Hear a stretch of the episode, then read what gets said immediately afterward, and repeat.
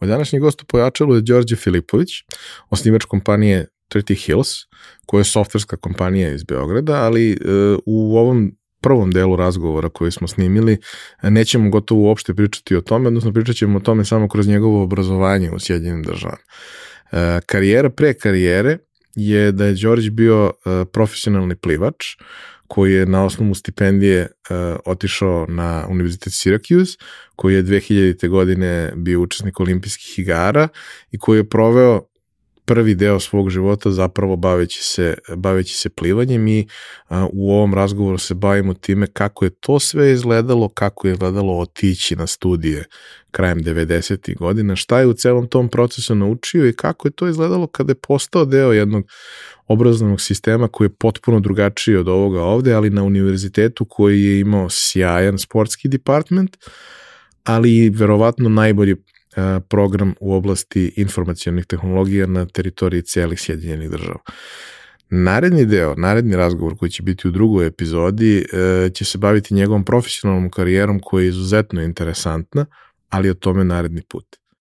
Realizaciju ove epizode podržala je kompanija Epson, koja je vodeći proizvođač projektora i štampača za sve namene, od kućne i kancelarijske upotrebe do profesionalnih uređaja koji se koriste od maloprodaje do industrijske proizvodnje.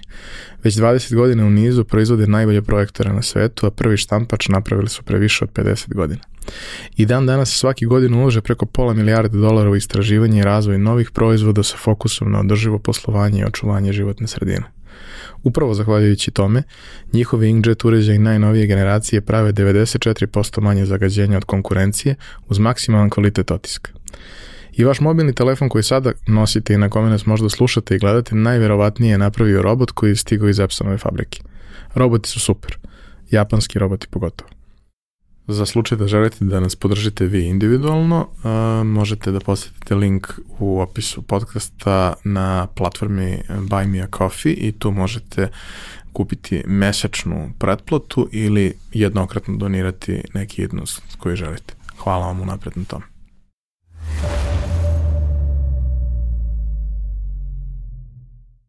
Dobrodošao. Bolje vas našao.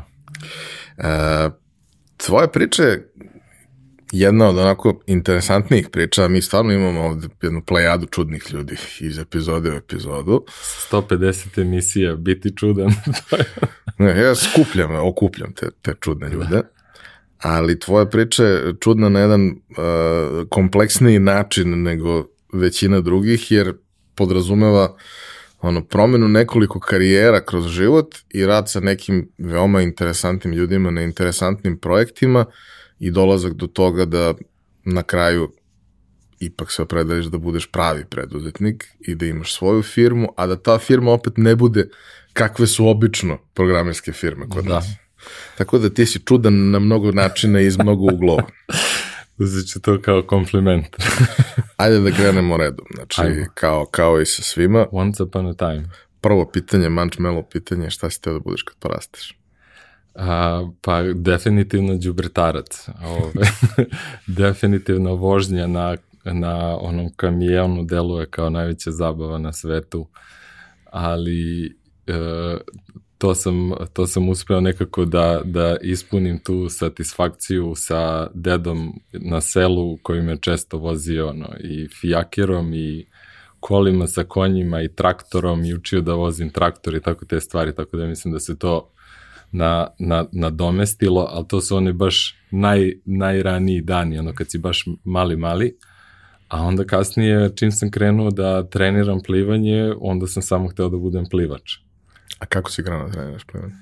Plivanje sam trenu, krenuo da treniram uh, iz razloga, naravno, kao i svi plivači, krive noge, ravna stopala ili kriva kičma. Ja sam imao ovaj, ravna stopala, vratio smo se sa mora, u tom trenutku košarka je bila najvažniji sport u Srbiji, futbal je 90-ih ono počeo već da se raspada, košarkaši su izleteli i mi smo svi ono samo gledali basket i ja sam želeo da budem košarkaš, ali u, u, u to vreme košarka nije počinjala da se trenira pre četvrtog, petog razreda. Onda su me poslali nazad mi kao koreli zvezdaši, odmah me otac vodio kao u košarkaški klub Crvena zvezda, rekli smo kao idite plivajte pa se vratite. I, I ima neka veza tu košarke i plivanje, dosta košarkaša su i plivali, ono, Tim Duncan je bio ono, mm. jedan od mhm. velikih zvezda plivanja koji je ipak odlučio da igra, da igra basket a, s razlogom, tako da sam ja krenuo da plivam, ono, vratio se s mora, zavoleo vodu, uživao u tome, nekako ono, ostvario tu ljubav i onda krenuo u plivački klub Crvena zvezda u njihovu školu plivanja. A kaži mi, kako izgleda taj ceo proces? Ok, u startu si ti dete, da. koje je tek pokazalo neko interesovanje, ali kako u tom trenutku kada nema ni toliko tehnologije, ni znanja, ni svega, ide neki proces formiranja plivača koji će da. nekad biti možda nešto, nešto ozbiljnije. Kako se uopšte pravi ta selekcija, kako izgleda proces treninga, kako se to vremenom usložnjava i uozbiljuje i tako da. Pa, uh, u, u tom trenutku, znači to je sad rani početak, on, u stvari već kasne 80.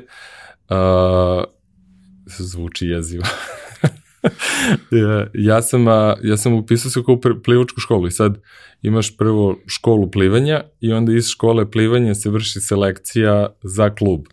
I organizacija je bila takva da je svaki klub bio na jednom bazenu. Partizan je držao Taš, Zvezda je držala 25. maj, Musi Banjicu, 11. april, Vračar i to su bili beogradski klubovi i to su sve bili veliki klubovi sa, sa puno dece. Situacija se trenutno dosta promenila sa ono, demokratizacijom ono, sporta i uvođenjem ovog zakona o organizaciji sportskih društava.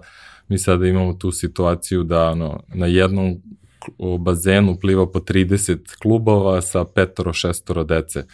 Ali u tom trenutku klub je zaista bio institucija po organizaciji kao što bilo koja škola funkcioniše ili muzička škola, znači imaš tačno onako raspored kojim putem se ide i kako, kako napreduješ.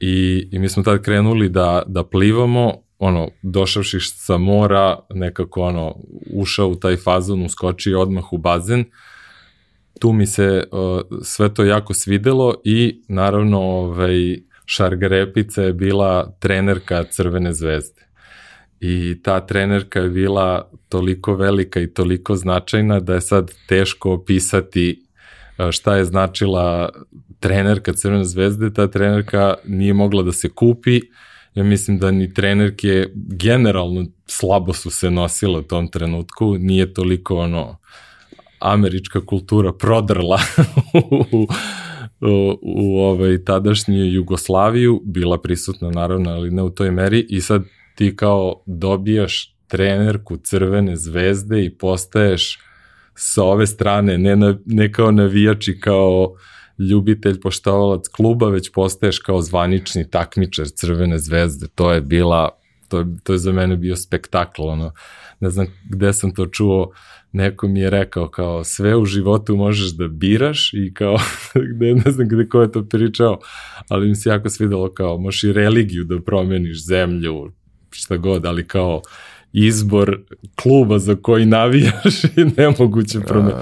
Kantona je to rekao i rekao je nešto da, u da. stilu, možeš da promeniš uh, veru, naciju, ženu, da. ali klub, klub da, jednostavno da, da, ne možeš da promeniš. E da, tako i meni, ono kao deda, otac, pa sad mi kao zvezdaši, kao to, to je to, kao znaš, postaješ zvezdaš, pa to je ono, svi navijaju za tebe, Tako da ono dobiješ taj vetar u leđe, onda smo mi uspeli i moj mlađi brat isto trenirao, u, ubacili su nas u školu plivanja i to je tada bilo jako zanimljivo uh, što možeš onako vizualizuješ kojim to putem ide, kako to otprilike izgleda. Znači dolaziš na bazen, ogroman onaj veliki bazen, svaki trening je kao jedan veliki neki show, kao neka predstava, gde su od prve staze do osme staze deca raspoređena po godištima i ti onako stojiš u onoj prvoj stazi gde vas ima 50 i gledaš nekog tamo skroz sa druge strane bazena gde ih ima trojica, četvorica, ono izgledaju kao ono bogovi Satosa ovaj, plivaju, nameštaju se, znaš, kao ono, u tom svetu, ono, superstars i ti to možeš da vizualizuješ i to to jasno možeš da vidiš. Imaš progres između. Imaš progres između, da, da, da. Između tebe i njega je ostalo samo da preplivaš Atlantski okean 15 puta i tu si u kilometrima, da. Kako su izgledali treninzi? Pa u, u, tim, u tim mlađim kategorijama Mene je tada trenirala Brigita Đorđević, uh, ona je iz Nemačke, uh, ovde je radila sa nama i dosta je onako bilo jako organizovano i mi smo imali lepota plivanja je u tome što meni uvek bila najdrža po tome zato što uvek imaš miks i muških i ženskih, ne razdvaja se muški i ženski sport, svi treniraju zajedno i ne razdvajaju se godišta, tako da ti uvek u svakom trenutku i, i brži si od nekoga i sporiji si od nekoga, uvek moraš da budeš u kolektivu i da juriš ove neke starije koji su ispred tebe, a dovoljno ih ima puno da se uvek sa nekim takmičiš, uvek te neko, kako mi kažemo, ono, vuče, ono, draftujete za, za sobom i, i gurate ovaj, da, da napreduješ. A kaži mi, škola, šta te zanimalo u školi? A, u školi a, od u, u srednjoj školi me stvarno ono, da kažem, ono što sam ukačio bila kao istorija. I sećam se ono kad sam se dohvatio pogotovo američke istorije i američko političko uređenje u odnosu na ono 90. i, i ceo sistem u kom smo mi živjeli, to mi je ono, ono, ono mind blowing experience. Tu sam, tu sam uhvatio, ali uh, ono, škola, ono, osnovna je išla kako je išla. Uh, mi smo imali uh, neku divnu učiteljicu, Olgu Jovanović, koja je bila dosta stara i na, uh, na kraju svoje te učiteljske karijere i, i sa njom smo ovaj, onako nismo pratili formalne, formalni rad i program, ona je insistirala uvek na matematici i na srpskom, na tom kao lepom pisanju, izražavanju, re, recitacije, učestvovanje na svim tim. I ona je imala jako puno razumevanja, a ja sam tačno u tom nekom trenutku ovaj, i, i probio uh, sa nekim prvim ono početnim rezultatima i onda ona čim je videla kao aha, nečemu si se posvetio, nešto si krenuo da radiš, slobodan si ono za pripreme, za odlaske, za dolaske, posle tamo već ono četvrti, peti razred, onda je postala ozbiljna muka, naletiš na svakakve razno razne profesore i, i dobre i loše i ove koji nemaju apsolutno nikakvog razumevanja. Ja mislim da su me ono čak i namerno u velikoj meri kinjili zbog toga. Uh, jer, jer ono mislim šta naše školstvo radi naše školstvo, školstvo glorifikuje prosek i to je ono nešto što je najviše deprimirajuće kao ako kaskaš niko ti neće pomoći. Ako si iznad proseka, samo smetaš.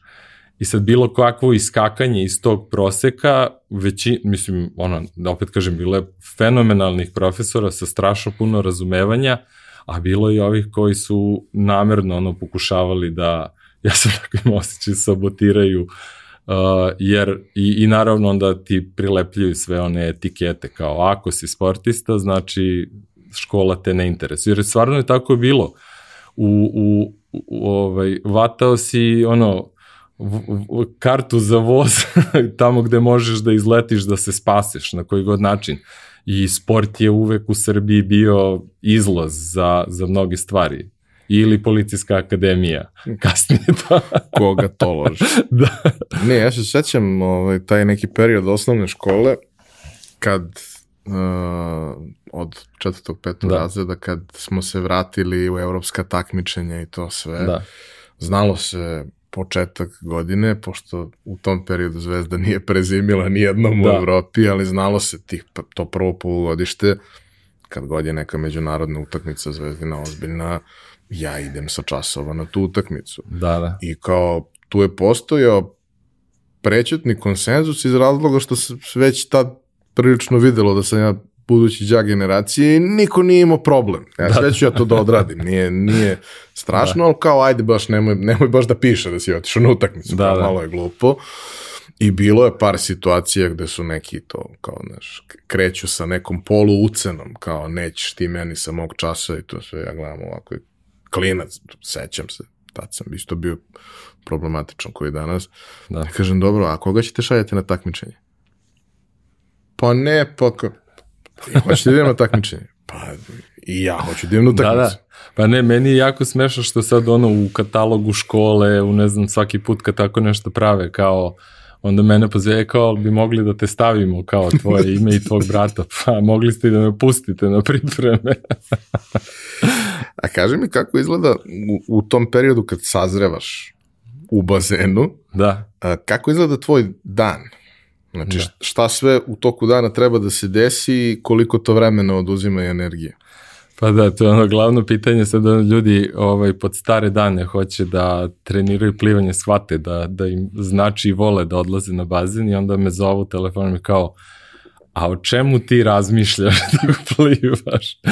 Kao, koja količina vremena uh, se potroši tokom tog treninga da ti sam sa sobom moraš da vodiš te dijalogi i da sam sebe motivišeš i da ideš po onoj liniji gore dole, gore dole, ono, hiljadu puta.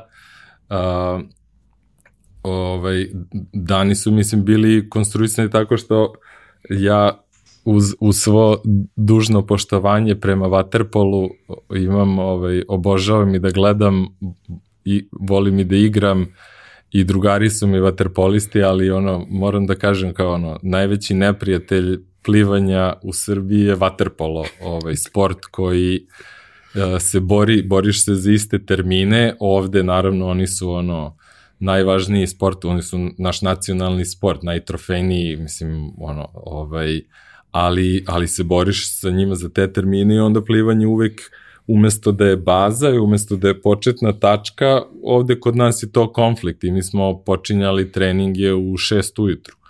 I onda ustaneš u 5.30 da stigneš na trening u 6, 5.15, zavisi gde živiš, da stigneš u 6, plivaš za tamo ono 15 do 8 i onda imaš 15 minuta da se obučeš i stigneš u školu i, i stalno su me zezali, sam dolazi ono kasnim na prvi čas i sad kako kog profesora ubodem, ako ima razumevanja, on zna da ja ne kasnim, nego da sam u stvari bio na treningu a znali su po tome što mi se zaledi kosa, jer je izađem bukvalno sa mokrom kosom i bude sve zaleđeno, ovako led se nahvata dok istrčim sa Taša i dotrčim dole do gimnazije Sveti Sava, meni se sam mi se kosa ovaj, zaledi.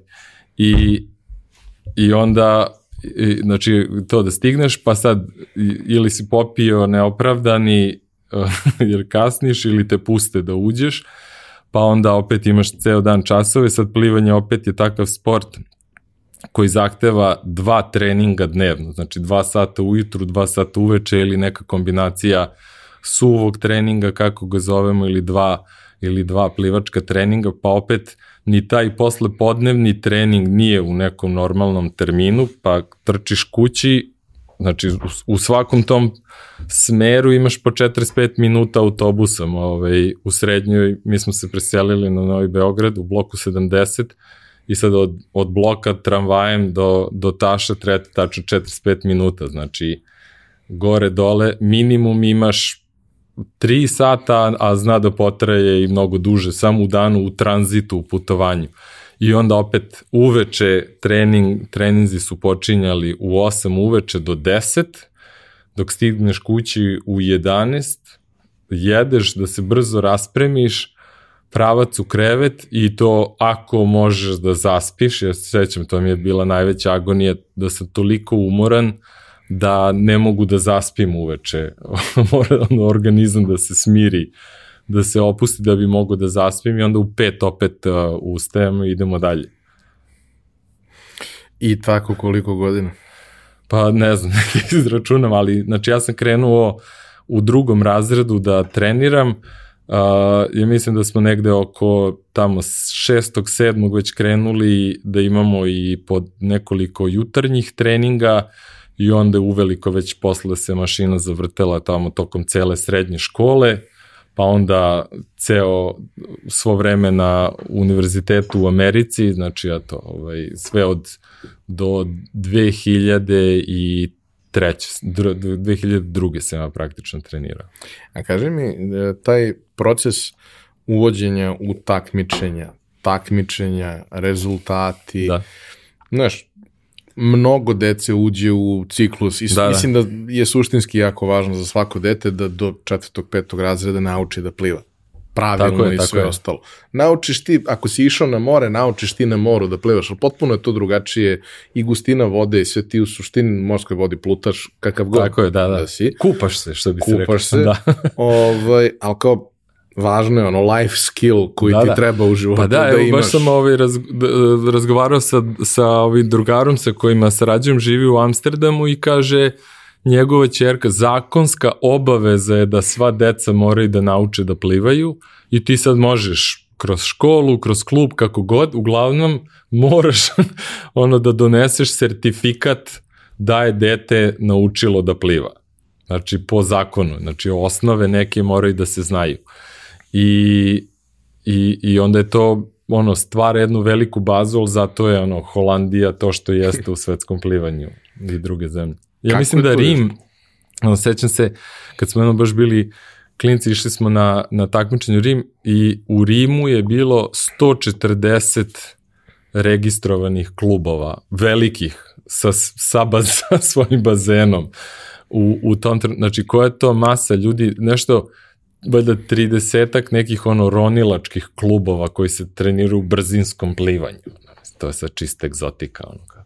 Dobro, ali mislim da. imaš, imaš celu tu situaciju da suštinski u tom periodu pre tvog početka da. bavljenja je bio komunizam gde se sistem bavio time da ti napravi sve moguće resurse i da te stimuliše. Mi smo da. imali, ja se sećam to kad je kao sen sekretara Skoja tadašnja na Novog Beog Novom Beogradu da. nastala kao škola, to je bila škola koja je imala bazen. Znaju, da, S, modern, full modern bazen, bazen da. manji, ok, ali, da. ali predivan da. bazen da. i ja sam tamo naučio da plivam. Pa da. Ovaj, I veliku sportsku salu sa tribinama, sa svim tim, mislim, cela ta škola je izgledala da. kao da su se vanzemajci spustili, ali se neko bavio tim.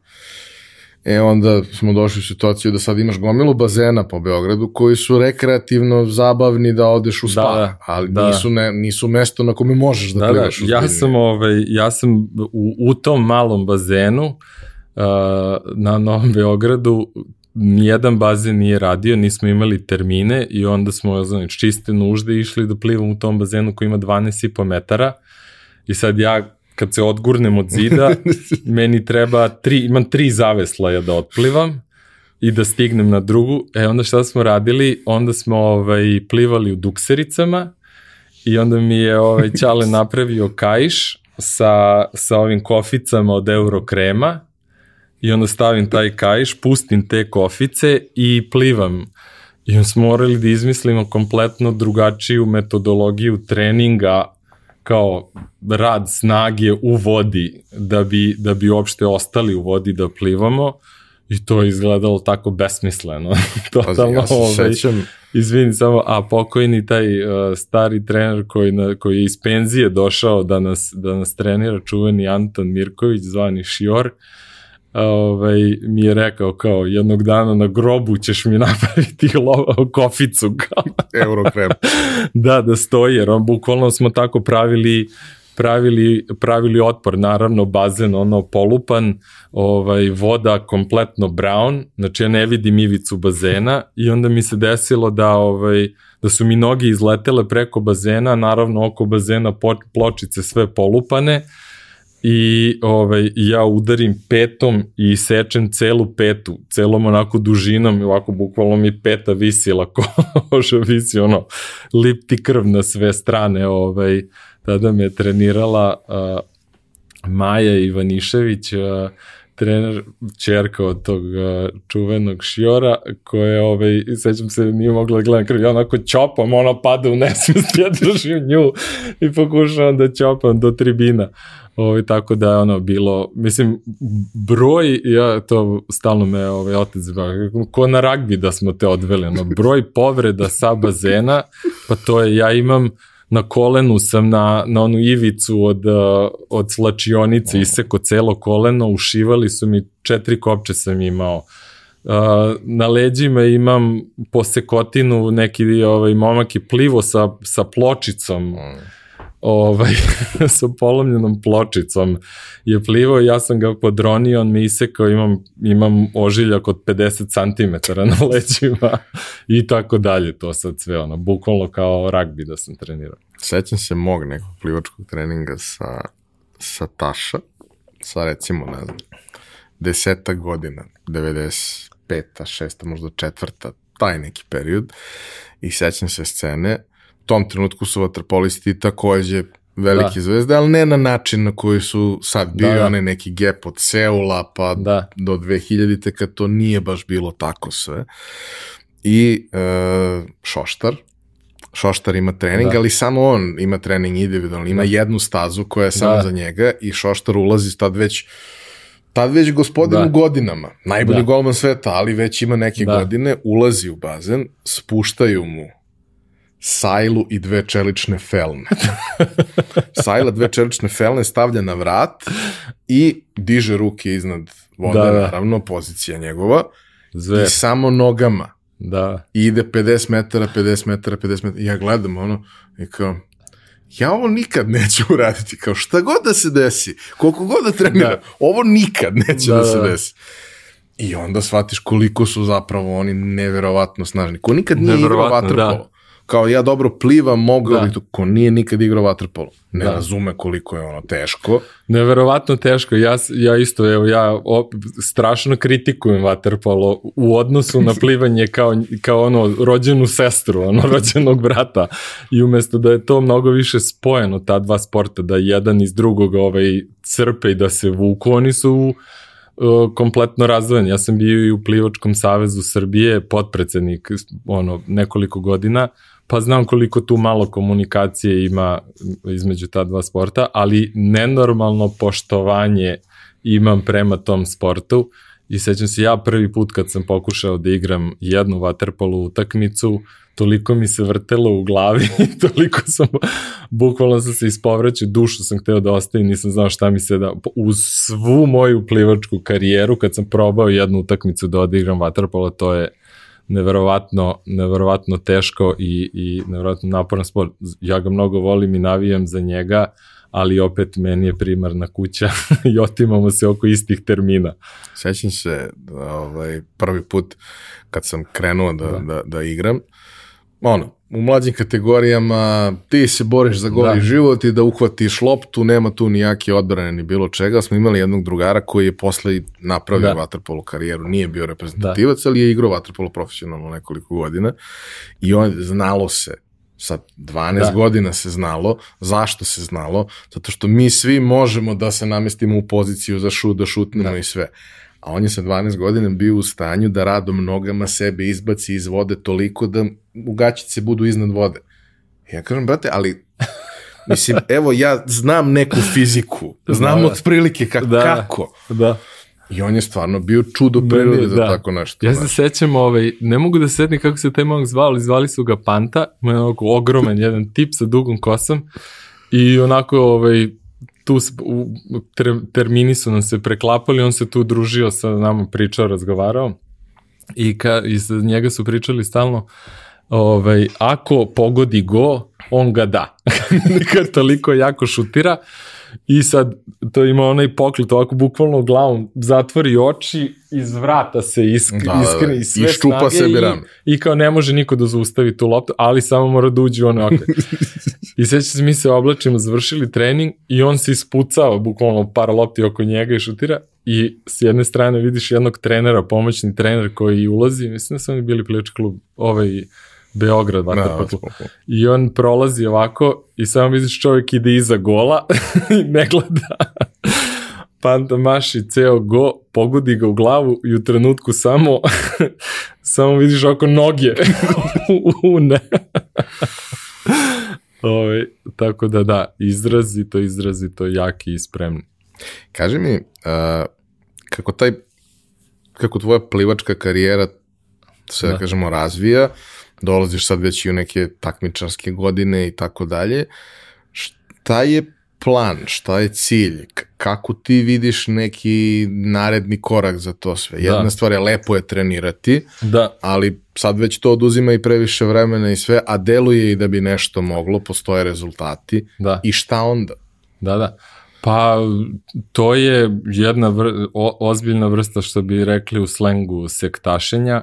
Znači, uh, ja sam u jednom trenutku ukačio taj neki takmičarski moment i ukačio da, da to sa sobom nosi mnogo nekih benefita i mnogo nekih lepih stvari. Da, strašno boli, uh, izraž, izražen si veoma intenzivnom i jakom ono, bol, mislim, nema druge reči, ono, moraš da treniraš izrazito jako, ali nosi neke dobre stvari. Moj mlađi brat je bio daleko talentovaniji od mene, za njega su ono svi pričaju, znaš, to meren jedinice, kad plivaš, ako ti dupe viri iz vode, onda imaš tu neku plovnost ili što amerikanci zove bojenci, kao, mm.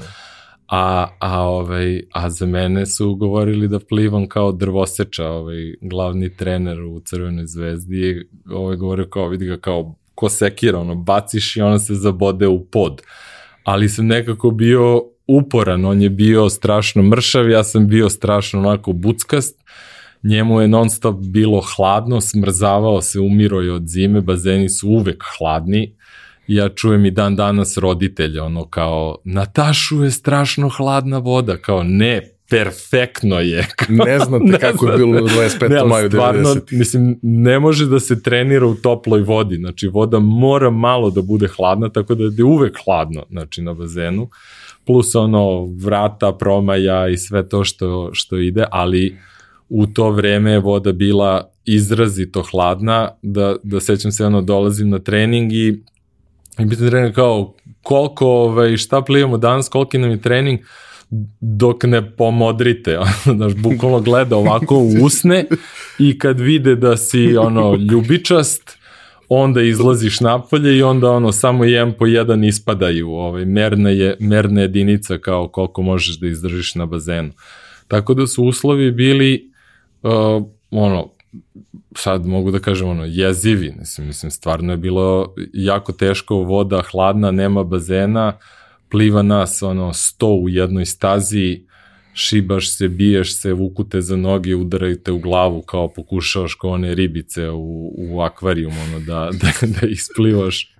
Uh, ali, ali nekako, znaš, pronalaziš tu motivaciju i, i ono što je najvažnije, ti u tom trenutku ne znaš za bolje. Znači, to je jednostavno tako, kao imaš želju za, za, da treniraš, imaš želju da napreduješ i hoćeš, i hoćeš da vidiš. Uh, u početku to je bilo onako čista jedna sportska priča gde si, gde se, mislim, svi koji u, u tom trenutku ono, treniraš da bi bio najbolji u onome čime se baviš.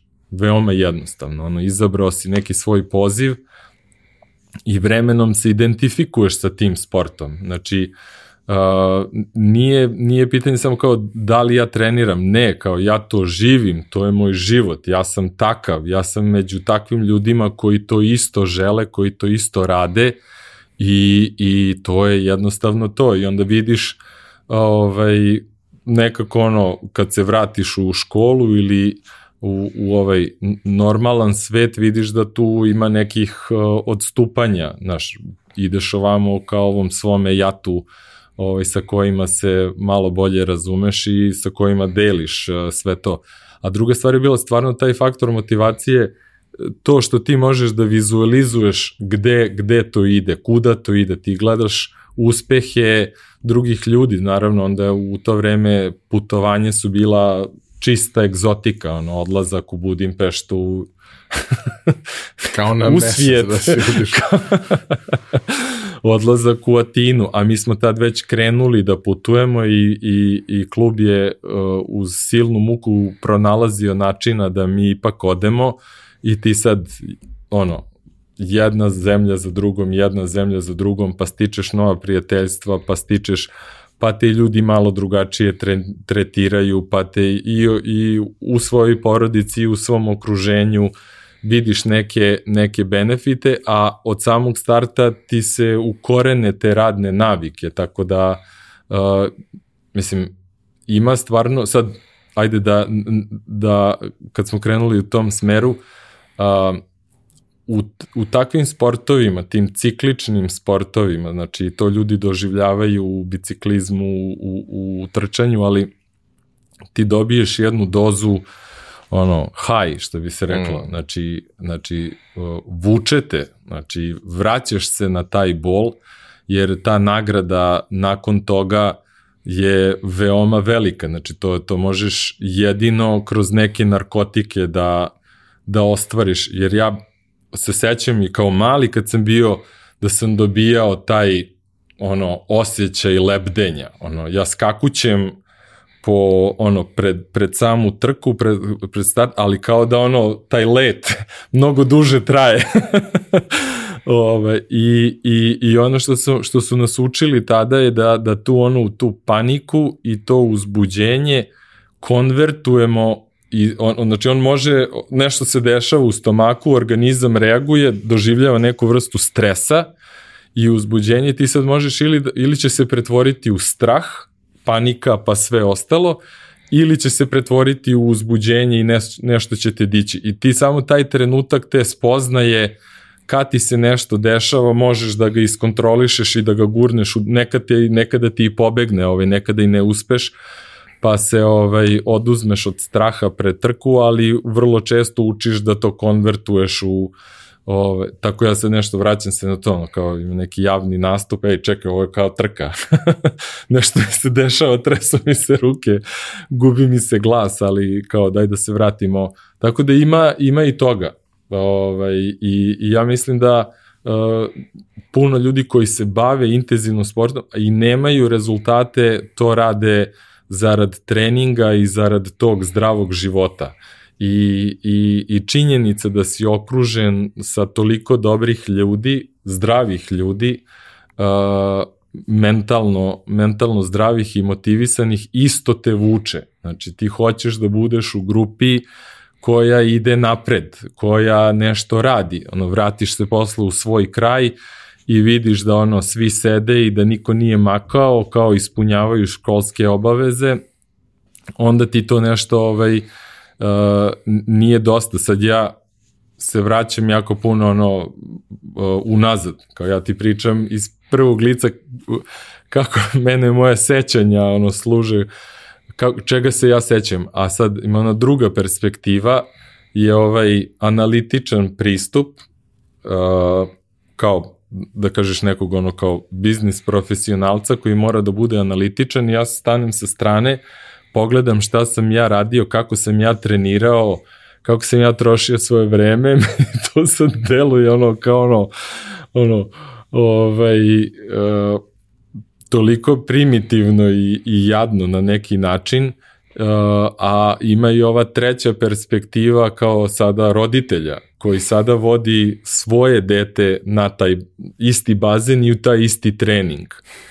I sad ja se onako gledam, sad ja kad me ti pitaš kako se to osjeća, recimo, vodio sam ovaj, moja čerka sada pliva i ona je sva onako mala jedna ova živa vatra od, od deteta, pune energije, ima onako ovaj, nešto je dobila i od mene valjda i dođe se treninga i prvi put su ju ubacili da, da otpliva ceo trening od dva sata i došlo dete kući i prosula se po krevetu, bleda, dobila neku blagu temperaturu, smrzla se, stajala, nešto su im bili ovaj, zaključani oni lokeri, nisu mogli da ih otvore, pa su tamo stajali goli 15 minuta i žena dolazi kao, šta se dešava?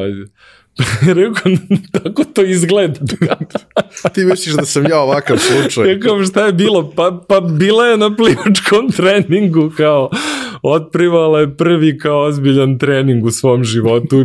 Palo dete, znači, ja, ja, ja, ja ne znam kako ja da nastavim da nju guram u tom plivačkom smeru, da je guram dalje u taj sport, uh, ono kao roditelju meni bi je samo sklonio, sakrio i kao ne dam moje dete, ali, ali ona bori se i ide, ono, vratila se nazad, nije, nije poklekal na tom prvom treningu, ali stvarno sad gledajući koliko je tehnologija napredovala, koliko je nauka napredovala, koliko imamo sad ove merne jedinice da ti sad možeš da izmeriš ono puls, da ti možeš da da se vratiš unazad, naši treninzi su bili uvek ono jako maksi do kraja, umri svaki put.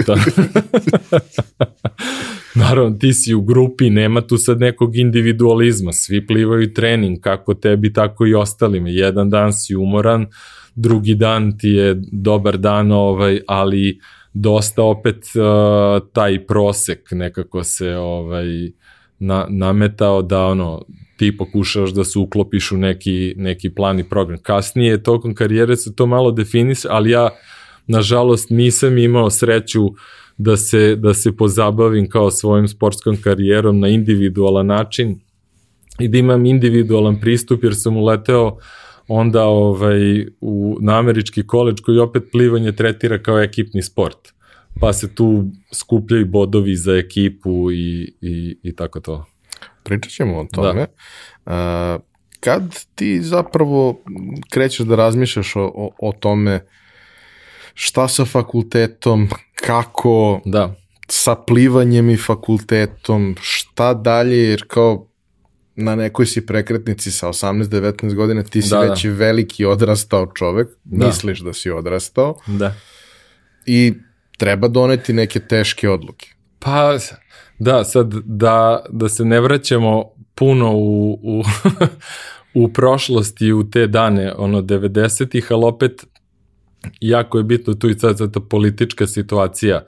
Znači, mi, ja sam išao u srednju školu, prvo sam krenuo u gimnaziju Sveti Sava, pa sam se onda prebacio u 11. Mi smo bili prva generacija sportske gimnazije, tada nas je u razređaju, mislim, bilo jedno 50, bilo je pri, princip kao rada kao u teretani, neće svi doći. I uglavnom i nisu. Ali da. je bilo moment. da, da, da. O, da, i sad, uh, mi, znači, mi smo imali standardan program, jedin, standardni profesori, sve je bilo isto, samo što su nam časovi počinjali od trećeg i završavali se, uvek smo išli pre podne, čas nam je počinje, prvi čas nam je bio posle onog velikog odmora i samo smo produžavali, a drugi benefit koji smo imali, to su bili da su nam davali više odsustva van škole, ali opet do nekog roka. Sad, s obzirom da uh, ono, skijaši moraju da provedu ono 8 meseci na planini ili ništa nisu radili, mi smo imali drugu, drugi problem, a to je da bazeni jednostavno nisu radili i onda smo mi bili prinuđeni da bukvalno ono kao cirkus putujemo po Srbiji gde god ima bazena, ono, od Knjaževca, uh, uh, Zlatibora, Kikinde, ono, u, u raznim mestima smo živeli, uh, ono, na Čigoti gore na Zlatiboru, Čigota nam je bila sponsor, uvek su nam pomagali, puštalo, puštali, davali su nam ono nekoliko soba stani hranu, neizmerno zahvalan, pozdravljam ih, ovaj, ali smo tamo dane i dane provodili na tom Zlatiboru. Ovaj, I onda sad jednostavno nakupiš toliko uh, odsustva, jer smo mi bukvalno bili pono mesec dana u Beogradu, mesec dana negde, mesec dana u Beogradu, mesec dana negde. O, u, u Kikindi smo živeli u nekoj kući, ljudi su nam izdali svoju kuću, pa smo spavali nas ono sedmorica, osmorica, ono ko s kim stane u krevet, ono, svako ima ono svog para, ovaj, s kim može da spava. Uh, tako da je, da je to dosta uticalo sada na, na ovo što se sad kaže, šta, šta dalje, kao šta, šta izvan toga.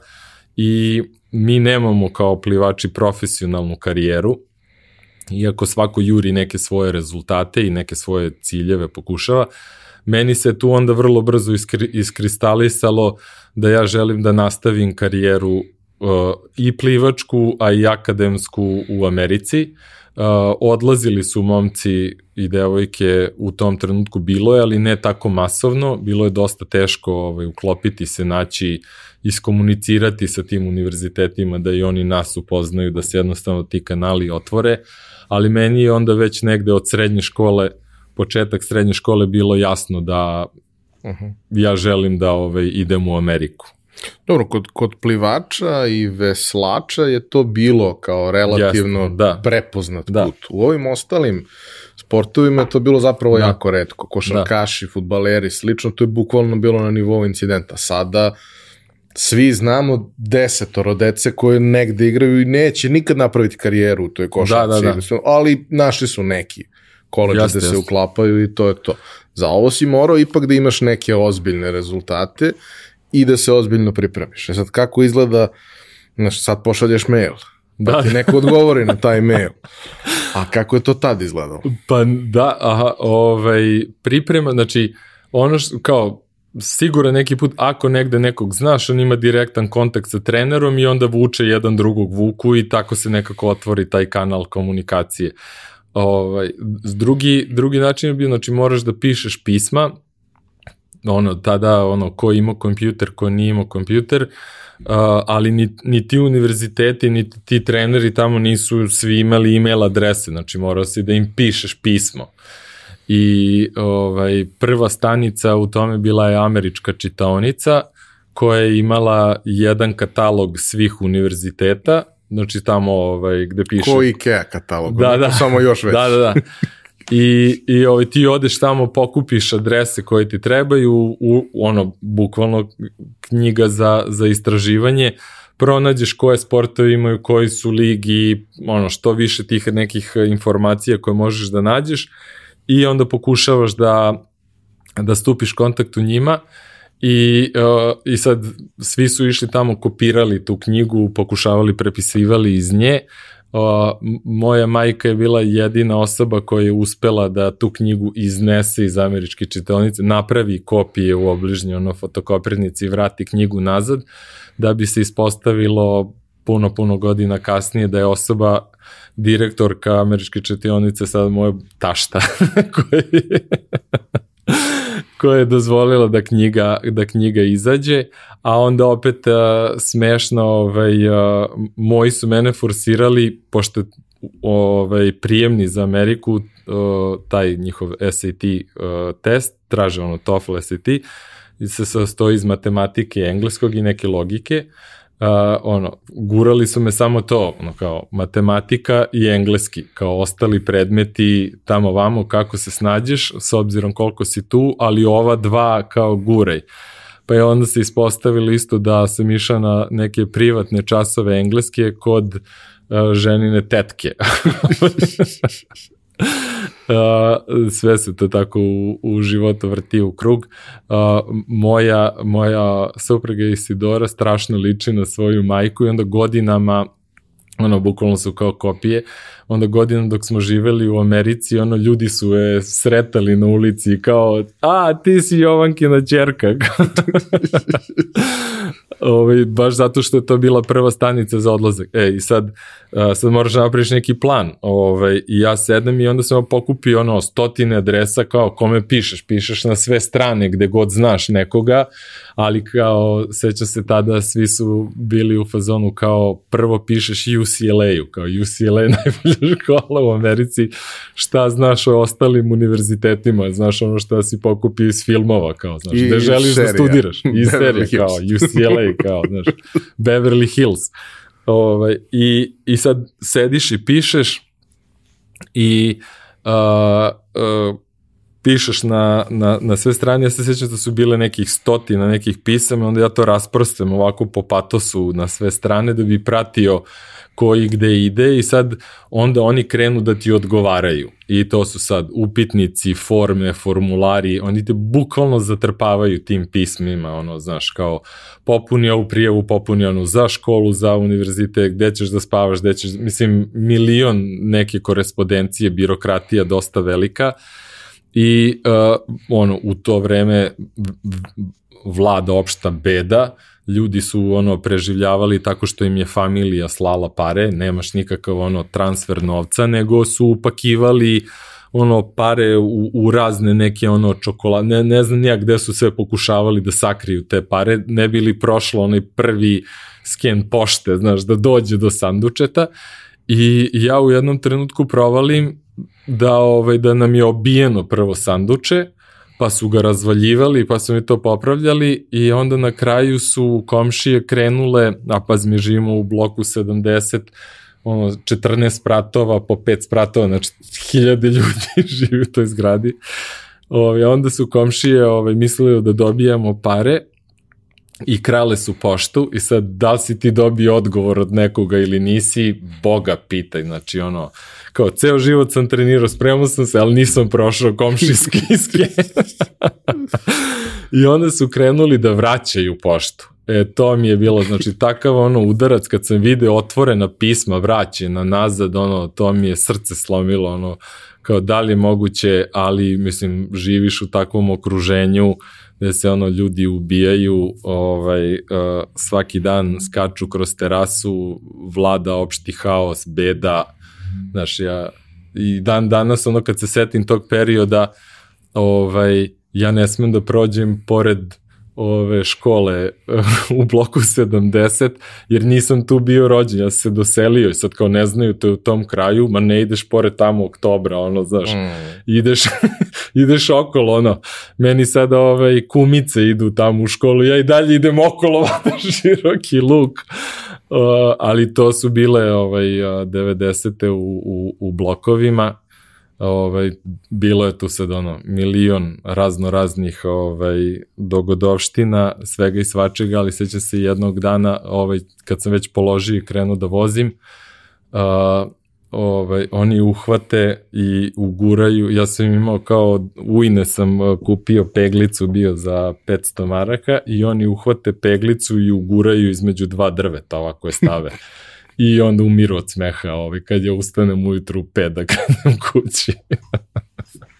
Ali dobro, to je sve bilo u domenu ovaj, a, ovaj, veselih 90. Veselih 90-ih i dobrog zezanja, da. Kako si, kad si dobio odgovore i sve što, što treba od fakulteta, kako si ipak odlučio na koji ideš? Pa to je, to je bilo sad, ovaj, naravno, drugari, neki su, par generacije su već bili ispred i onda sam ja pošto poto jurio, naravno ono velika doza straha od nepoznatog, od uh, odlaska uopšte u Ameriku, kako ću se tamo prilagoditi, kako ću se snaći, mislim, nažalost, ali nisu svi uspeli. Neki, znači ono, mnogi su se i vratili iz te Amerike. A, kao, nije im se svidelo, to je bio izgovor. Ovaj, nisu mogli da savladaju jezik, nisu mogli da se prilagode šta god daje, ali nije bilo isključeno da kao nećeš uspeti. Nije samo taj odlazak bio dovolj. I onda se ja naravno jurio ove drugare koji su već bili tamo po univerzitetima da, da preko njih probam da uđem i, i dobijao sam neke, neke od tih ponuda, ali su i oni bili toliko dobri da, da me guraju dalje, da kao, možeš ti bolje, kao imaš ti rezultata za, za bolju školu, idi traži neko bolje mesto i ja sam a, dobio, a, tada sam bio primljen, znači dobio sam potvrdno pismo sa Harvarda, sa Berkleya, sa, sa Florida State univerziteta i nikako ono da se sve sklopi. Ja nisam znao za Harvard baš ono kao kako se ulazi i kako se dobija stipendija, oni nemaju sportske stipendije, ali se ide preko financial aida ovoga onoga, ja to ovaj, nisam znao na Berkleyu na koji sam ono silno želeo da idem, je bio jedan momak iz Zagreba koji je plivo istu disciplinu i onda sam ja morao da čekam još godinu dana, oni su mi rekli kao ili samo plati prvu godinu, pa ćemo te mi kao pokupiti na stipendiju treće ili sačekaj godinu dana. Ja ono nisam mogao da čekam još godinu dana da odem. Ovaj, Florida State gde sada pi, pliva ono Caleb Drussell koji je ono mm. sada najveća zvezda, on je trenirao na to, znači po tome može da se zaključi koliko je dobar taj njihov plivački program. Uh, oni su mi ponudili 75% i to im je bilo pravilo da nikome ne daju 100%, najviše što možeš da dobiješ 75% i još plus ovaj, su zabranjivali da se radi. Znači, ako si na stipendiji, nema. Znači, nema nikakvog rada sa strane, nema kompenzacije kao moraš. Opet, ta razlika je bila strašno velika za nas, ovaj, da, da na bilo koji način nadomestimo.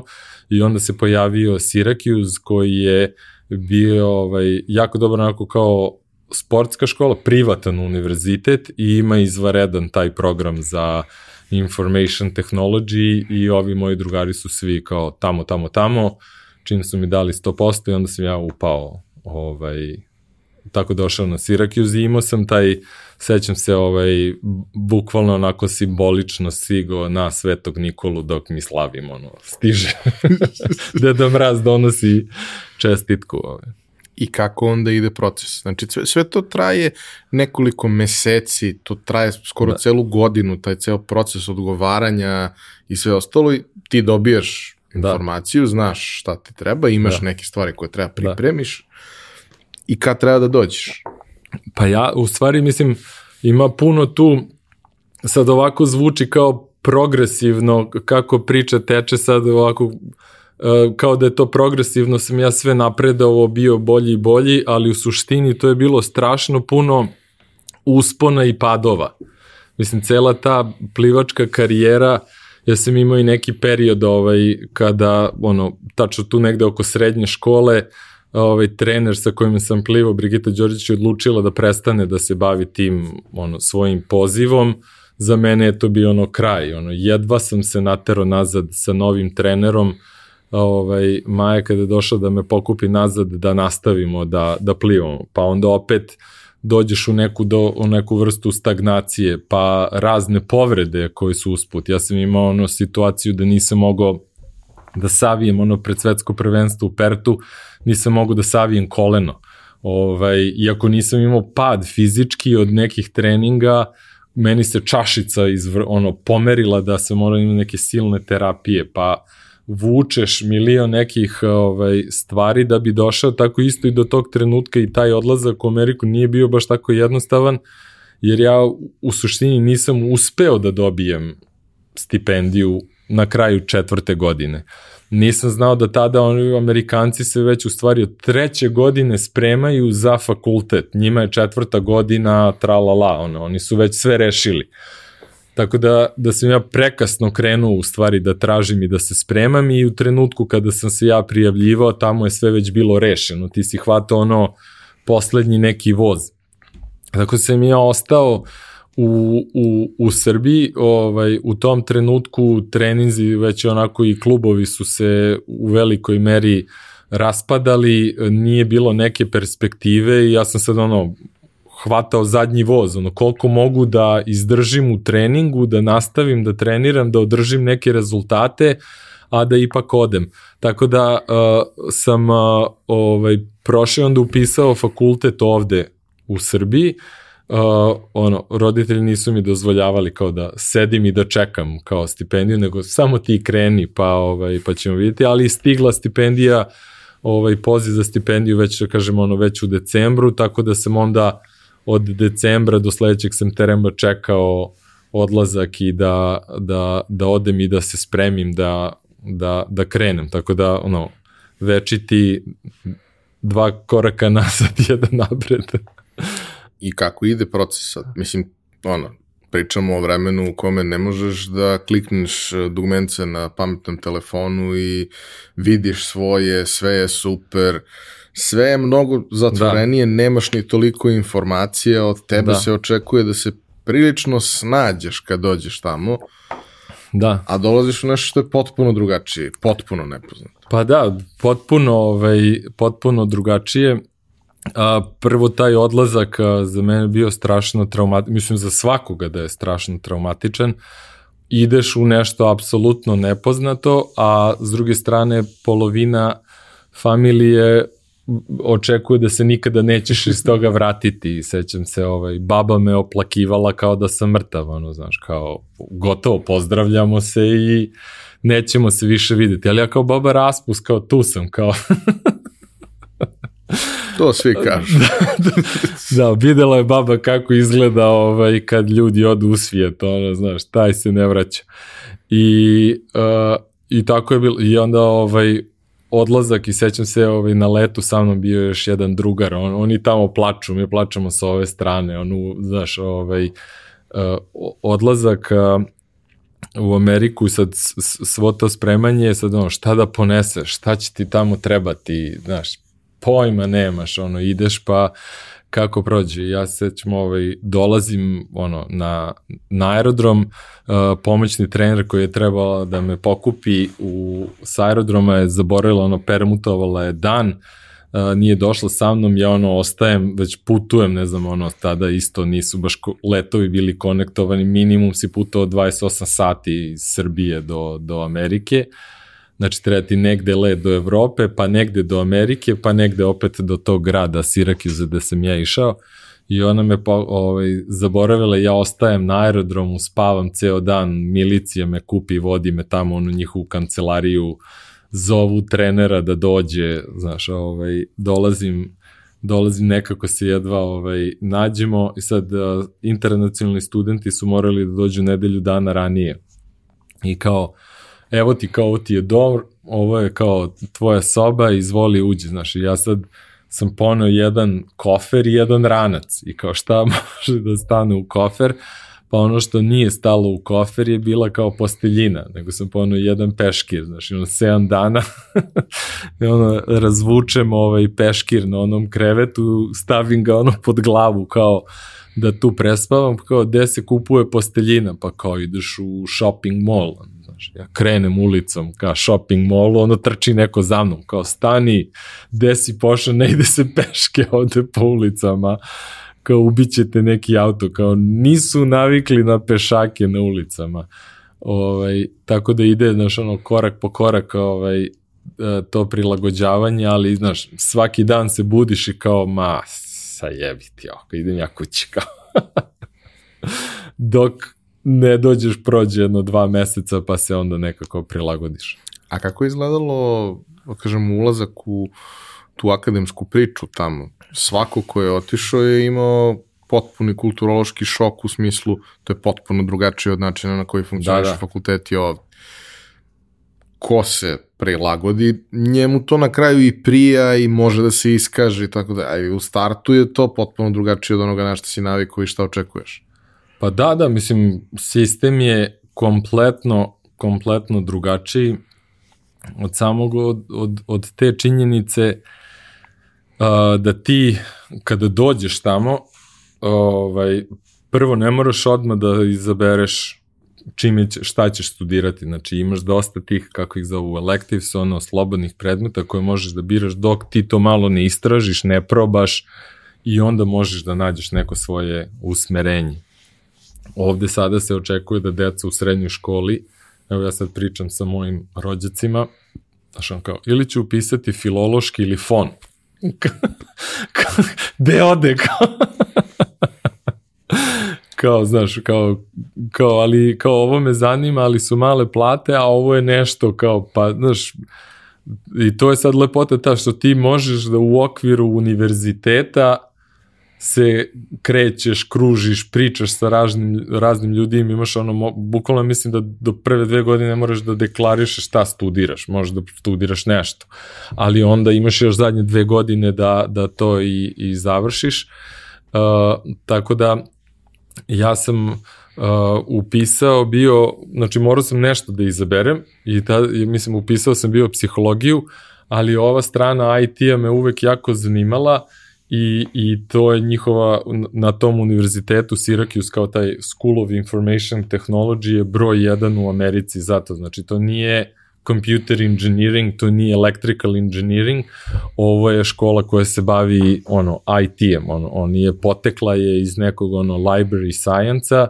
uh, oni se time što kažu ovaj kao mislite da ste izmislili kao IT, mi se ono procesom i, i protokom informacije bavimo već 200 godina, kao ono istraživanje, arhiviranje, baze podataka, ovo to je ono... Nauk... biznis primjena tehnologije. Pa da, da, da, da, kao ovo je sada samo nova alatka, tako da ta njihova škola je stvarno ovaj, broj jedan u Americi, onda je tu isto bilo jako teško upasti, pa sam ja uzimo neke ovaj, prvo časove, uh, sva sreća opet neka ta veza plivanja i IT-a, pola tima u, na Syracuse, pola plivača su bili u toj IT školi i onda me ova, jedna prijateljica ovaj, a, Branka Šustić, koji isto ovaj, neizmeno pozdravlja, ona me bukvalno uvukla kao ajmo.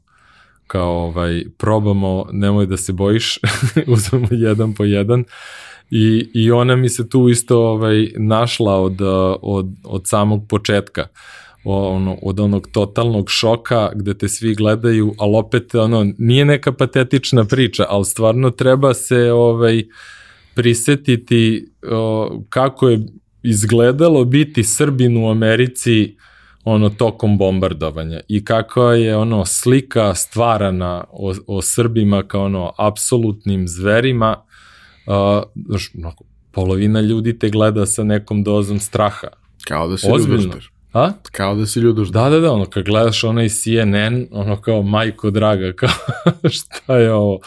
Ovaj, tako da, ja sam isto bio u tom onako dosta, uh, onako, nisam bio, što bi se reklo, ono, mentalno stabilan pred ono sav taj znači iz, iz jednog rata kao prelazimo u drugi rat, ajde donekle si se naviko na taj haos, ali opet ovo sad postaje neka, neka duga vrsta, ipak se kao počinje bombardovanje Beograda, nije ti, nije ti sve jedno, tako da smo ovaj, bilo je nas nekoliko na, na tom univerzitetu, pa smo onda ovaj, organizovali neke proteste, non stop smo davali neke izjave po novinama i tu je bio stvarno jedan profesor na univerzitetu koji je bio bivši ambasador u Srbiji, koji nas je branio ono, na sve moguće načine, ono, branio, tako da, ono, da ne zalazimo puno u, u, u tu priču, ali negde na kraju mi smo se izborili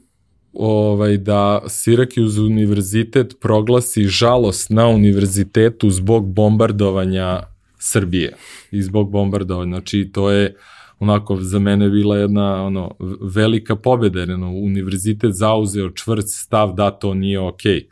I sad gledam opet ovo sada šta se dešava i kako se ono kreira ta slika ovaj ono mržnje prema prema ruskom narodu ovo ja mislim da je bilo još i gore prema Srbima u tom trenutku i, i sad onako treba ipak sad ti tu da se uklopiš da uđeš u, u celu tu zajednicu celo to društvo. Ja da osjećam se dolazim prvi dan ovaj, na trening, skupljaju oni tim, znaš, i sad, ovaj, i sad čita asistent ovaj, trenera, imali smo ona kao čita kao we have a new guy from Serbia. I sad pokušava da speluje ono moje ime kao his name is DJ Orgy kao, odličan način da počneš prvi dan kao DJ Orgy i naravno to onda tako ostane. Ovaj, uh, i, i, I krenuli smo ono, ovaj, korak po korak, Branka me uhvatila kao, aj sad, ovde jedeš, ovde spavaš, ovde, znaš, ovi, kao ajde, seća se to isto, to je sad kad se setim, to zvuči besmisleno, ali ja sam ono, kao, de, znaš ono, kao, de da ostavim pare, kao ima se nešto malo para, kao, ali, kao, de da ih ostavim, kao, znaš, nem, nemam neki ormarit, ne, znaš, kao, i onda nosim sa sobom, i ona kao, I onda si selja kao nosiš te pare. Idemo da otvorimo račun u banci. Kao, kao u banku. Kao, kao vi verujete bankama. Kao, it's ok, kao, ajmo pa lako, otvorimo mi račun u banci, ti dobiješ tvoju karticu, sve će biti u redu. Ove, ovaj, tako da, ono, period prilagođavanja ovaj, bio dosta, dosta, dosta onako težak i traumatičan za mene.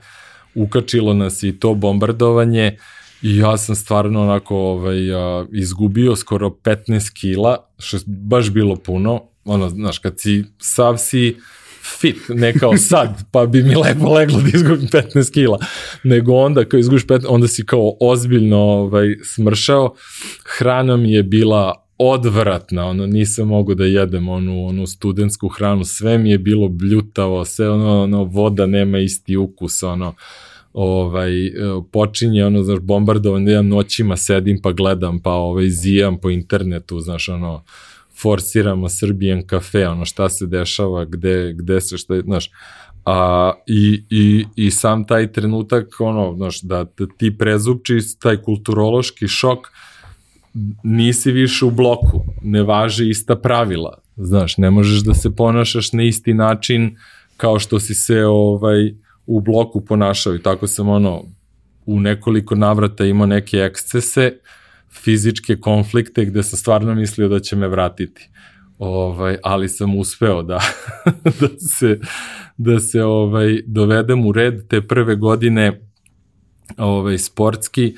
Uspeo sam da sad s, uh, taj univerzitetski koncipiran sport, tako da svake godine na tom prvenstvu konferencije, mi smo bili u toj Big East konferenciji, imaš pravo da plivaš tri trke i tri štafete. Ne možeš više trke. Tako da ukupno u tom periodu od četiri godine imaš 12 trka. Ja sam uspeo da od 10, da, da osvojim 10 zlatnih medalja od 12 tih trka u toku i te prve godine sam osvojio jednu samo ovaj, zlatnu medalju, bio sam i nešto ovaj, bolestan, a kasnije sam ovaj, uspeo da u svim ostalim trkama pobedim i na kraju da budem i kao ovaj, proglašen za MVP-a kao celog te, te Big East konferencije. Ali ono, znaš, dolazimo, o, početak, o, počinje, počinje bombardovanje, o, ja sam tada, ovaj, pošto sam ono, zezno, ono, imao nekih časova gde sam, koje sam morao da ponovim, ono, ocene su mi bile katastrofa, o, onda sam morao da ostanem i ono kao, znaš, letnja škola i kao gotovo ja više ne mogu, idem kući i sećam se ono dolazim, ja mislim da je bio predzadnji dan bombardovanja, znaš. ovaj, a, i, i, i sećam se ono, znaš, ono, emotivan taj ono količina stresa uh, letimo ono u avionu i sad onaj stari avion imaš samo jedan onaj veliki screen Znači, i mi letimo i sad, ono, za Budimpeštu, pa sad iz Budimpešte nekako pokušavaš da uđeš, su bile i zatvoreni granice.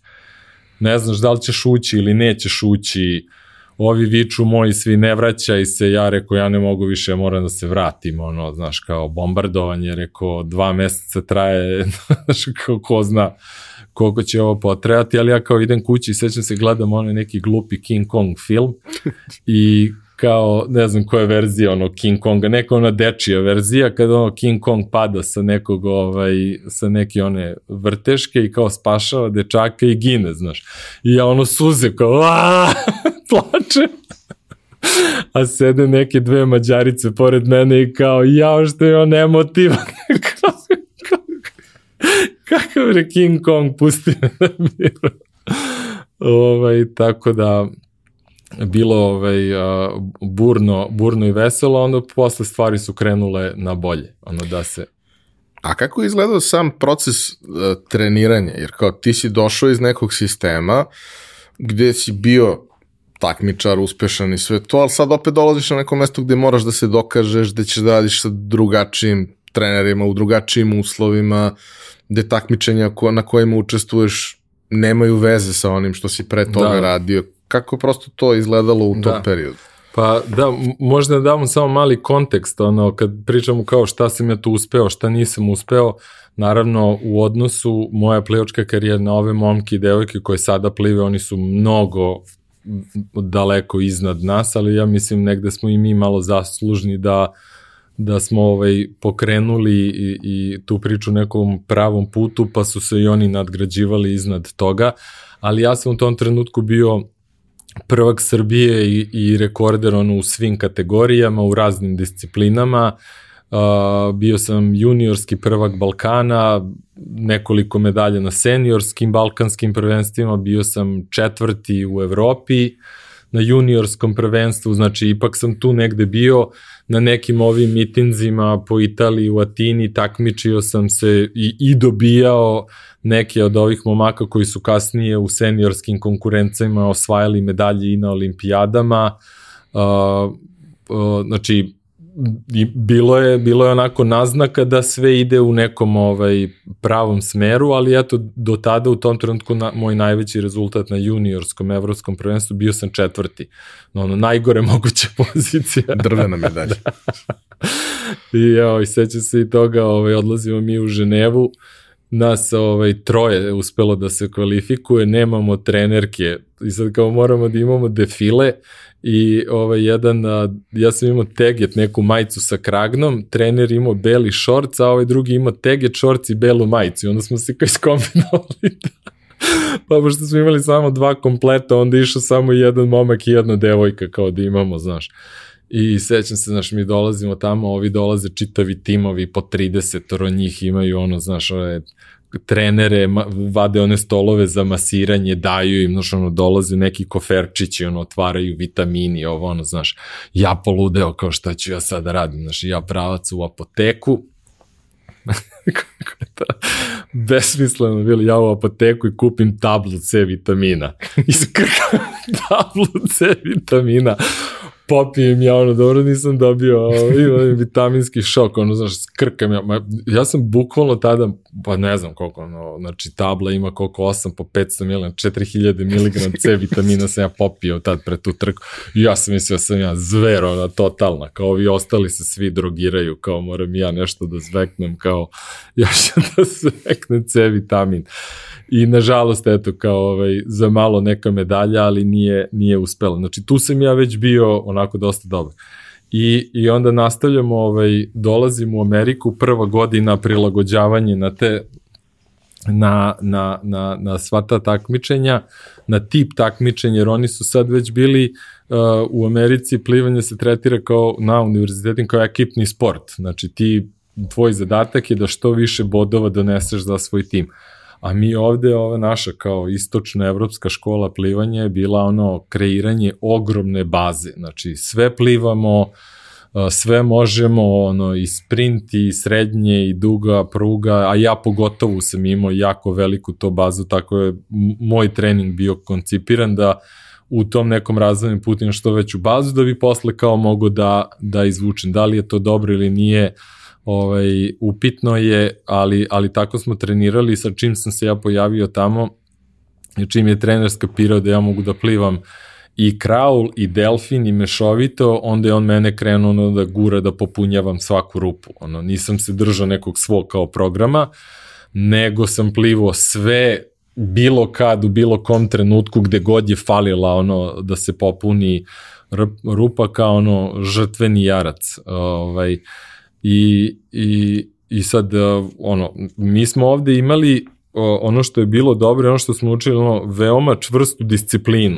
Znači, to je bilo izrazito izraženo ta disciplina, dolasci, odlasci, propuštanje trenera bilo nezamislivo, ono, ovaj, dođe ti trener na, u, na, na gajbu, kao, desi, kao, o, ali uh, tamo, znaš, ja sećam se prvog takmičenja, mi odlazimo, ovaj, na neko takmičenje i, i to mi isto bio šok i sad oni svi sedamo u neki restoran i oni služe picu i Coca-Cola.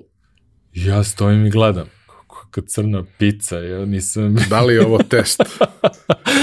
ja kao piju Coca-Cola. Ja da me video stari šior da pijem Coca-Cola, pa olupo bi me onom, ono, znači... Davio bamba Bukvalno gledam, ne mogu da verujem, kao, znaš, a pritom u tom trenutku ja tamo će da vas drogiraju, ti ćeš biti dr, ovaj, žrtveni jarac za njihove eksperimente. Bukvalno su ljudi verovali u to, ono, i to su mi pričali, ono, znači, sa takvim nekim kao mindsetom odlaziš, oj, brate, cepaju picu i Coca-Cola, ono, opušteni Amerikanci, bre, boli ih uvo, ono, i trener dolazi kao, šta ti je što ne jedeš?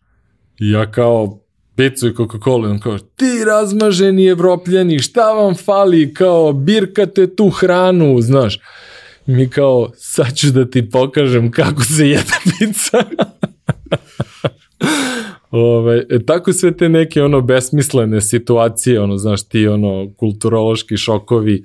Mislim ja ovaj volim da se zezam na svoj račun i da pričam sve svoje gluposti jer su ono znaš iz toga se uči, iz toga napreduješ, ali jedna od mojih isto većih zajebancije bila oni znaš ja, ja samo pravim komparaciju između treninga, ovaj Uh, ovde je bilo kao, hoću da odem u WC ili ho, hoću da popijem vode, ono, ne smeš ni da pitaš, da ti padne na pamet, da ti sad kao od treninga ideš, a tamo ono donesu, znaš, ono, ogromnu onu kantu vode sa ledom, sa, ne znam, ono, nekim elektrolitima mm. napune, znaš, i samo te nutkaju, pi, pi, pi, znači strašno se insistira na toj hidrataciji.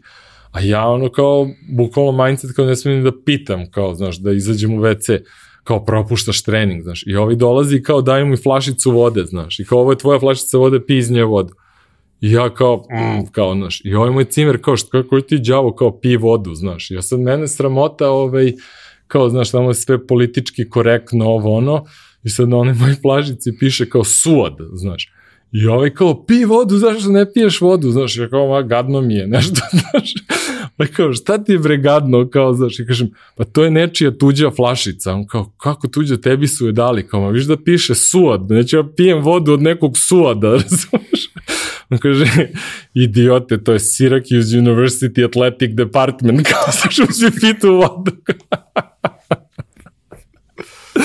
I kao, čuti, pi vodu, znaš, i onda je ono, znaš, mora da se, da se, ovaj, da se uči, da se brzo adaptira i da shvataš da ono, svet nije onakav kako si se ti uboksovo način na koji ti gledaš ima i, i, i druge perspektive, znaš, tako da ovaj, brzo sam ušao, ali sam, ali sam stvarno onako sebi obećao da kad sam već tu, da se neću kačiti puno uh, i, i ono, znaš, jurcati kao srpska zajednica, srpski jezik, nego da stvarno da ću se posvetiti, ono, investirati se maksimalno u to da naučim o toj kulturi što je moguće više, da živim sa njima, da jedem, spavam, učim kompletno, ono, da, da, ovaj, da to vreme ovaj, iskoristim najbolji mogući način, što ja mislim da mi se ovaj, kasnije iz, iz, iz, i, ovaj, isplatilo, jer ovaj, koliko vidim vrlo često ljudi kad ode oni trče jure za ono našom zajednicom, grupišu se sa našim ljudima i onda nikad se ne integrišu do kraja ili ovaj, ako ne sa našima, onda jure strance, znaš, i onda si večito nekako izgubljen, a ja sam ono išao, ovaj, stvarno se ovaj, ovaj, posvetio tom, znaš, ovaj, pa onda kasnije isto i i način ovaj, treniranja.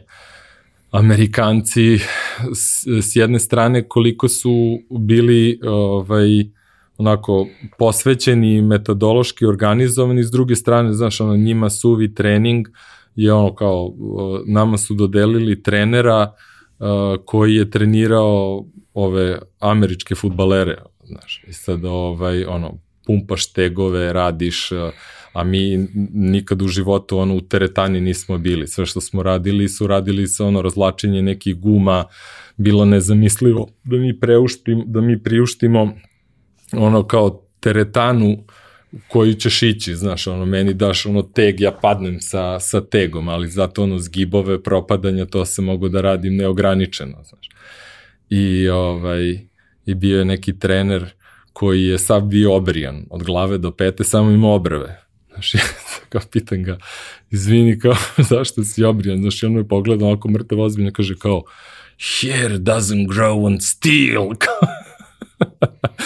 I ovaj, kao, znaš, i sad da nam isti trening kao i američki futbaleri koji nema veze, znači, ono, ti si u vodi, u nekom okruženju, koje je neprirodno za čoveka, znaš, krećeš se, imaš tu otpor vode, tražiš tu silu potiska, znači sve, sve je drugačije, ono, ne guraš nego vučeš, ono, znaš, sve je kontra. I onda smo se, sa mnom u timu je bilo ovaj, dosta evropljena, uh, šveđani, ovaj, bio je jedan splićanin Joško i on se mi krijemo, ono, znaš, po teretani, a pazi, to su ogromne teretane, to je kao hala koja je bila samo za sportiste, to je ono, red onih klupa za bench, ja ne znam, 30-40 u nizu, znaš, ono, pršti muzika na sve strane, gruje, onda se mi krijemo tako, ovaj, a, po teretani i kad oni odu, onda mi uzmemo pa, pa, pa treniramo ovaj, svoje neke treninge kao prilagođene za, za, za plivače, znaš. A kaži mi, e, taj moment gde ti nemaš priliku da se specializuješ, nego plivaš ono što je potrebno. Da, da. Ove, ovaj, šta to znači za tvoju profesionalnu plivačku karijeru koja sa tom na koleđu nema previše da. veze. Tokom trajanja godine ti nemaš nastupe kao profesionalni da, da. plivač. Pa mislim, surovo je bilo, ali u tom trenutku, mislim, akademija mora da pobedi i već onako pobeđuje i sad već mnogo više akcenat je sa ove strane akademski. Ja sam bio u vrhunsko i na vrhunskom univerzitetu, pogotovo za ovim čime se ja sada bavim, možda i nema boljeg mesta u Americi, stvarno sam ono imao sreće da odem na takvo mesto, ali trener je taj kakav je bio uh, i imali smo puno ono konflikta i rasprava i, i, i onda znaš večito u kancelariji ono Rus, Hrvat i Srbin, znaš, ono postroj Ilija, Joško i ja i onda se on dere na nas kao ovaj i, i kad ne može da pobedi argument, onda dođe, ja vas ništa ne razumem. Izlazite iz kancelarije, naučite da pričate ove engleski. I, I ja sam ga stvarno ono, borio sam se sa njim puno, da je on, da smo došli na kraju do toga, on kao, ok, evo ja se predajem, ti ćeš sada da plivaš šta god ti hoćeš, da imaš treninge kakve god ti hoćeš, ali ovaj, kao, znaš, ja nisam to hteo, ja sam hteo ovaj, da, da i dalje budem ono sastavni deo tima da treniramo samo da malo to ovaj bolje se uklapamo, ali nema, to je ono sistem i sila od koje se ne, ne odstupa i onda sam morao ovaj, da, da, da popunjavam sve rupe, a na kraju, ovaj, znači to je sad već bila, mi smo ušli 2000, te ja sam bio druga godina fakulteta i tada, tada smo već ušli ona kao u pripreme za, za olimpijadu. Ovaj, znači ja sam dve godine bio na univerzitetu, pa sam onda se kvalifikovao za olimpijske igre i onda kasnije imao još dve godine na, na univerzitetu. A kako si se kvalifikovao za olimpijske igre? Ovaj, a, pa, znači, a, ja sam se vratio nazad. Jer ti rezultati koje ti ostvaruješ tamo, oni se oni ne znače ništa. Oni znače pa, tebi da, da, da znaš u kojoj si formi, da. ali ti na osnovu njih ne možeš da, da. se plasiraš. Pa da, znači ja sam napravio neki mali progres, ali ne, zna, ne dovoljno značajan da ja odskočim sada nešto i uh, odlazak na, olim, na olimpijske igre uh, uh, je uh, zahtevao minimum, minimum godinu dana posvećenog treninga. Znači od ovog standardnog da ništa ne radiš, ni univerzitet, niti bilo kakav posao, da se posvetiš samo treningu da bi se pripremio i otišao. Znači to je ono, a ja sam već bio u nekom programu. Znači, uh, ovo, bi, ovo je za mene bio veliki uspeh, ali tek, sam, tek je trebalo da gađam neku uh, narednu olimpijadu, znači u Atini 2004. gde bi ja ostvario neke ono svoje najbolje moguće rezultate i ovaj onda se se vratio ovde u Be, u Beograd i naravno onda smo ovaj opet nije bilo bazena pa smo trenirali u Obrenovcu pa smo jurili i imao sam sigurno jedno četiri pokušaja za kvalifikaciju, tada sam pokušavao da uhvatim normu za 200 mešovito, gde sam bio prvo ono 20 stotinki, pa 14 stotinki, pa na kraju sam završio na, znači, uh, ovaj, uh, poslednje, znači, takmičenje, onda su, znači, na 14 stotinki sam bio u prvenstvu Srbije ovde na Tašu, e onda po pravilu uh, na kraju svog takmičenja, pošto su sva lena pravila ispoštovana, oni mogu da naprave i neku kao revijalnu trku, pa sam onda pokušao na kraju opet i onda sam došao na 700 tinki od ispod, ovaj, ispod norme i ovaj odnosno iznad no. i da iznad iznad ovaj da uh, iznad znači ali moraš da se kvalifikuješ znači mora to da se otpliva ne postoji drugi način niko neće reći je dovoljno super, super. good enough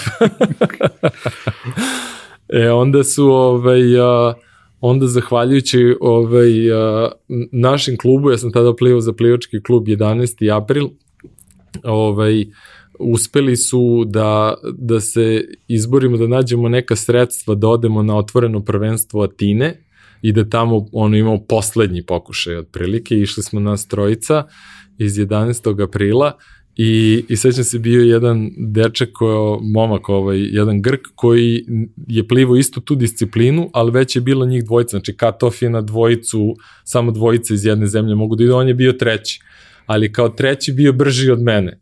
I, i on kaže kao, ajde da napravimo neku foru, kao možda je samo psihološki, kao trik, pošto smo se kvalifikovali u finalu, i plivali smo jedan pored druga. On kaže, ja ću malo da se pomerim ovamo u desnu stranu, a ti se pomeri malo u levu stranu, pa možda uhvatiš neki draft. znači čovek mi apsolutno prvi put ga vidim u životu i on kao, eto, ja nisam prošao, ono, ozbiljno se ovaj, razočarao i stvarno je bio onako vidno smoren, ali kao, aj tebe da vučem, kao makar nešto. Ovaj.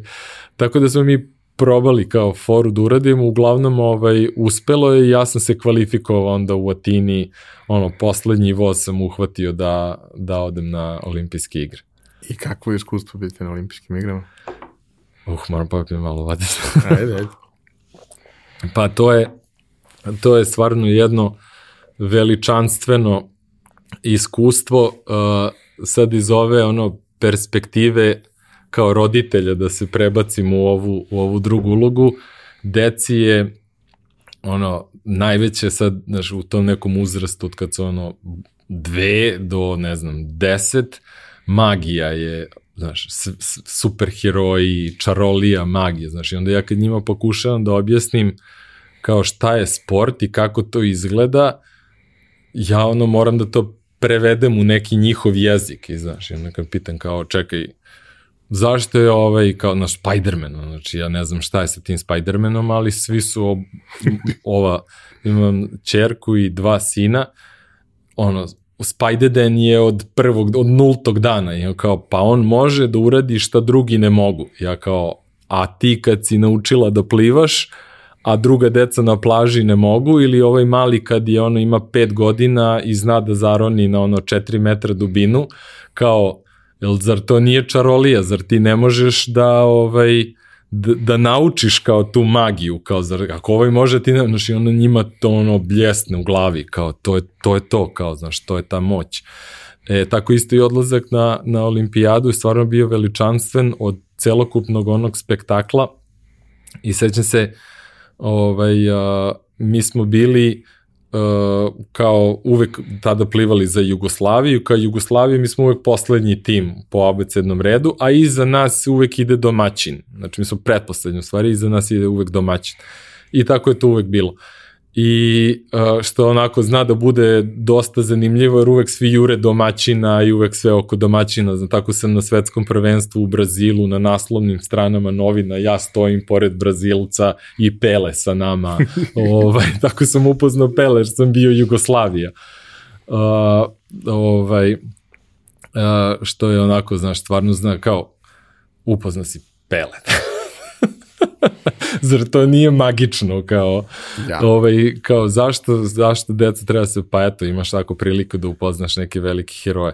E, i, I sad mi smo bili i kako počinje uh, takmičenje, svaka ekipa, znači podeljene su svi u neke grupe i svaka grupa je, se nalazi na drugom kraju bazena, tako da svi obrnu ceo krug oko bazena i svi sede i na dobrim i na lošim mestima i mi smo početak uh, takmičenja, Australijanci su plivali neke važne trke odmah od prvog dana, hteli su da naprave ono spektakl o, jer je njima plivanje nacionalni sport, mislim, to je stvarno neverovatno, ono, i po gradu kad smo se šetali sa onim akreditacijama kada vide plivanje, ljudi prilaze da se slikaju sa nama, ono, znači, prosto neverovatno. Uh, I Uh, I mi smo, ja sam se okrenuo ovako i vidim gore u publici Bill Gatesa sedi, čovek sedi i sad ima taj jedan deo tribine gde su ovaj, novinari i, i sva ovi kao delegati, predsednici, šta znam, i vidim Bill Gates sedi gore i onda shvatim kao ovo ne može da se kupi. Znaš, ovo, ovo ne može da se kupi, ovo može samo da se zaradi trudom i radom. Znači, sve čovek može da kupi, ali nikad neće moći da bude učesnik olimpijskih igara. Ono, tako mi to nešto kliknulo da bi ja sam shvatio koliko je to bilo važno i koliko je bilo bitno. I, i onda naravno ovaj, uh, celo to iskustvo u tom ovaj, olimpijskom selu, upoznavanje ono, raznih sportista, uh, naš, druženje sa našim sportistima, Ma od prvog dana to je bio show, to je bio cirkus. Znaš kad je ono, znači tad je nas bilo 150 sportista i bili smo jedina delegacija koja imala više delegata nego sportista i najveći broj delegata koji je došao na olimpijske igre, ali nema veze, to je naša politika, ali znaš ono, družiš se i kao ovaj, upoznaš Vanju Grbića, sediš, pričaš s njim. u kantini. A, pušteno. Kažu da je znaš. taj moment zapravo da, su, da je najmagičnija stvar ući Da. u kantinu. Da, da, da. Kao svi jedu zajedno. Pa da, no, bukvalno, ja sad ne znam ko je ono tu sad uh, plejade ljudi koji sedne naspram tebe i, i svi imaju takav stav da hoće da upoznaju druge ljude, znaš, i da hoće, znaš, da se druže i da su otvoreni, a ta kantina to izgleda kao naša ono sajamska hala, koja ima sektore i u svakom sektoru je neka vrsta jela šta god da ti padne na pamet. Ono, znači, od ono, znaš, meso, paste, i kineska, italijanska, šta god da zamisliš da bi mogao da jedeš u bilo kom trenutku otvorene 24 sata i naravno ono, McDonald's gde je za mnoge ovaj, bio i dalje nepristupačan, gde su se ljudi izbezumljivali od tog. Mislim, to je prosto, kad sam vidio jednog bacača kugle koji nosi 8 Big Macova, ono, znači, Rekao, ovaj, to je onaj osjećaj iz osnovne škole kad sam prvi put bio u Meku na rođendanu, to sam želeo da uradim. Kao. Da, to je bilo prosto ono, za mnogi tada nedostupno. Mislim i, Da. i sada je za neke, ali sama ta činjenica da su svi ti ljudi na jednom mestu, da u principu nema izdvajanja. Da, da, da. Ima uvek neko, ali Da, kao da. vidjet ćeš najveće zvezde. Da. Najveće zvezde Da. tih olimpijskih igara će biti tu Da, i imaćeš prilike da pričaš sa njima. da, da. A najveće zvezde olimpijskih igara tada su bili odbojkaši koji su osvojili zlatnu medalju i, i za mene ono takvi ono uh, mangupi, takva, takva ono gospoda od ljudi toliko pristupačni i toliko dobro, oni su, znaš, kao mi smo mali sport, kao koga briga, oni, znaš, slave neki rođendan, ajte momci sa nama, znaš, kao, stvarno bilo, uh, to mi je ono jedan od jačih utisaka da sam ono svaki dan bio tu sa njima, družio se sa njima i ispratio negde njih do kao zlatne medalje. Koliko je moje učešće, toliko i moje prisustvo blizu, blizu njima. Jer su oni stvarno, stvarno ono ponos uh, i, i biti, svi do jednog, ono, bukvalno momci su neverovatni. I, I šta je meni isto ovaj, opet ono, znaš, zazanci, ja sam uspeo sad je tamo velika frka da se dođe do karata. Svako dobije nešto da gleda. I stvarno se trude da svako dobije neku kartu da gleda neku značajnu utakmicu. Ali ovaj, moj najveći uspeh, ja sam uspeo da se sa košarkašima uvučem u istoj trenerci u utakmici protiv Amerike. Znači, pazi, tu imaš ono ekstremno rigidno obezbeđenje, a onda Amerikance prati njihov FBI. I ja koji prolazim, znači ja kao ono, znaš, ja koji prolazim, ulazim na teren sa njima, oni me prikrivaju, znači bukvalno ono, znaš, ovaj, kao dođi vamo, stani tu iza mene, znaš, i to pazi, ovaj, ono, bodiroga, kao ideš s bodirogom na olimpijadu i ja uspevam da uđem, razumeš, i kao sedite ovde na klupu, kao i mi onda furnemo gore, preskočimo ogradu i uđemo na, na teren. Tako sam jednom isto upao i sa, i sa odbojkašima, ali ja sam mislio da sam ja kao ovaj, uspeo da se provučem dok nisam vidio sa košarkašima da je ovaj Gerd bokser u pero lakoj kategoriji isto ušao. koji je pola od, uh, od bodiroge ovaj, uspeo da uđe. Tako da je tu bilo ono milion i jedna ono, dogodovština o, ovaj, ceo taj društveni deo je bio veoma zanimljiv, a onda i ovaj sam takmičarski deo je bio veličanstven. Ja sam uh, sad ovaj, ima ovaj klinac uh, uh, Popovići, ovaj uh, Mhm. Rumun koji je, osvoj, koji je oborio o, ovaj, svetski rekord i ti sad možeš da gledaš njegove trke, rade ozbiljne analize, slow motion, intervjuišu njega, njegovog trenera, sve one svetske face, da se napravi analiza kao kako je on to uspeo. Znači, Pošto dečko, nije jasno. Nije, njemu nije jasno. Ti iz prvog lica čuješ tog momka kako on priča, kako se to desilo, znaš. Slušaš Popova, uh, koji je do tada važio kao ono za, za jednog od najvećih plivača svih vremena, kao kako analizira njegovu trku i njemu nije jasno, znaš. I, i sad, a, a ja sam jurio Popova da ga vidim jednom u životu. Znači, ono, kao da ga vidim jednom u životu, da vidim kako izgleda njegov trening, jer to je bio jedini način. I sad mi jurimo, ovaj, kako se sve te timovi, ovaj, nema mesta za sve učesnike na bazenu. Znači, onda su morali da popune sve bazene po gradu da bi svi mogli da treniraju i naravno svi se rotiraju. Ti sad kao si na jednom kraju grada, a juriš rusku reprezentaciju koja je na drugom kraju grada i, i vataš pet autobusa da, da, da uspeš da dođeš tamo do njih i ja i drugar sedimo i kao gledamo Popov trening. Ja izveo blokče, pišem sve šta radi, znaš, i sad on dolazi onako, ono, bog, ono, znaš. Lep. Lep, Lep, ono, visok, ne? visok, perfektna tehnika, ono, znači, ono, ovaj, ja mislim da više ono u domenu umetnosti nego što je izašao iz sporta. I I svi mu se javljaju, on se svima javlja, razgovara, priča, potpisuje sve ok. E, evo ga dolazi na bazen, stavlja naočare, malo se protreso, razgibo se ovo ono, fljus, skoči on, pliva 50 metara kraul, staje do cilja i ovako kao, pff, nije mi dan, izađe napolje i ode. I ono, ceo dan potrošili da ga uhvatimo, da vidimo trening, ali jednostavno ono, nije mu bio dan, pokupio se i, i otišao. Ovaj, uh, i, isto tako, znaš, ono, u tom domenu upoznavanja, taj prvi dan kao otvaraju se olimpijske igre, mi sedimo tamo i ovaj, i sad nemamo trke, znači samo sedimo, otplivat ćemo naš trening i gledamo ostale trke. Ove, I sad uh, mi sedimo bukvalno u tim prime tribinama koje su uz sam bazen, a iza nas su te kao velike tribine delegata.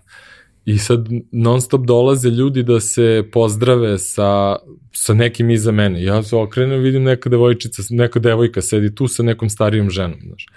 I sad ja rekao, znaš, ne obraćam pažnju, toliko joj prilaze da već mene počinje da onako kao, znaš, zanima kao ko je sa to, kao znaš, kao kako ja sad ne znam da prepoznam. Pa je rekao, to je neka verovatno australijska pevačica, kao znaš, ne znam, australijsku pop kulturu, ona je tu popularna, znaš, mislim i Australija sama po sebi u odnosu na Ameriku je dosta različita. Dosta različita, ono, znaš, ono, o, ovaj, u Americi tu vrstu one uh, rasne diskriminacije ne bi nikad smeo da vidiš, a tamo je bilo na ulici izraženo ono ohoho, ono, znaš, vređanje, dobacivanje i, i dalje bilo aktuelno, i mislim što je bilo još šokantno u toku olimpijskih igara, ali nebitno. Uglavnom, ovaj, svi dolaze, pozdravljaju se, ja gledam, sad ono počinje da me nervira, sve dok trenutka dok neki bugari ne prilazi da se upozna. I ja rekao dosta više kao, znaš, a svo vreme mi smo to ono neko staklo ovako iznad nas visoko podignuli, sad mi to ono, znaš, kao kešemo se, ovaj, razgibavamo se, ono, polugoli, ovaj, istežemo se, ono, znaš, ono, faca. I ja kao skočim gore, podignem se ovaj, na mišiće, rekao, rekao ja bi samo volao da se upoznam, vidim da se svi javljaju, rekao evo i ja da se upoznam, pružim ruku i ja kažem ja sam Đorđe Filipović kao iz Srbije, ona kaže oh nice to meet you, my name is Chelsea Clinton, kao ok. Tako da ono kad kažeš ono upoznaš uh, uh, razne ljude, ovo je stvarno bukvalno, znači koga sve uspeš da sretneš, ovaj, i bilo je stvarno ovaj, veličanstveno, svaki dan je bio uh, neverovatan, još je bilo i, i, i, i sama činjenica da je olimpijada bila u Sidney u Australiji, ne možeš ono izmisliti, ja mislim, lepše mesto za, za, za takav neki uh, događaj i, i onda sve to išlo u, u nekom trenutku. Ja, nažalost, uh, mnogo sam više uh, pikirao odlazak u Ameriku i tempirao tu formu da se kvalifikujem nego što sam kasnije mogu da održim formu do ovaj na tako da je ono ništa specijalno nisam uradio na samim tim olimpijskim igrama, ali sam rezultat da ono i činjenica sam uspio da se kvalifikujem je za mene bila onako dosta velika da da u sledećem krugu, prošavši sve to, znam tačno šta me čeka, kako to izgleda i šta treba da uradim da bi mogao da izguram ovaj sledeći ciklus. I kako izgleda vratiti se normalnom životu nakon jednog takvog iskustva? Pa da, ovaj, ono čega se stvarno sećam puno, a to je radili su jedno istraživanje, upitnik sve su nas ispitivali i pitanje je bilo veoma jednostavno, da sad možeš da popiješ neku onu tabletu da ti damo i da ti garantujemo da ćeš osvojiti zlatnu medalju, ali da ćeš posle toga, ono, posle godinu dana umreti, da li bi to uradio? I ono tipa otprilike mislim da ono 80% ispitanika je rekla da. Znači šta je ono u fokusu i koliko je to veliko i bitno za, za te ljude, jer znaš, to je večito ti onako kad treniraš ti uvek flertuješ sa smrću. Ono to zvuči jezivo, ali ti kad pogledaš, znači ono kao plivaš do trenutka dok ne misliš da ćeš umreti kad misliš da ćeš umreti, ti onda staneš kao. Jer kao, e, ovde je kao apsolutni kraj, kao ja ne mogu više da se pomerim, kao ja ne mogu više, e sad, to isto kao kada bi ono, znaš sad, kao, u, stavili mernu jedinicu, znaš, kao, nije to isto kao imaš jednog čoveka koji diže 20 kila, 50 kila i 100 kila, pa sad kao, nego, nego je činjenica ono koliko visoko ti možeš da podigneš tvoj puls. Znači koliki je napor ka kome se ti izlažeš. Ne, ne kolika sila koju ti proizvodiš, nego koliko ti i, i mi smo uvek merili puls ono posle svakog intervala negde ovaj merili smo ga na 10 sekundi.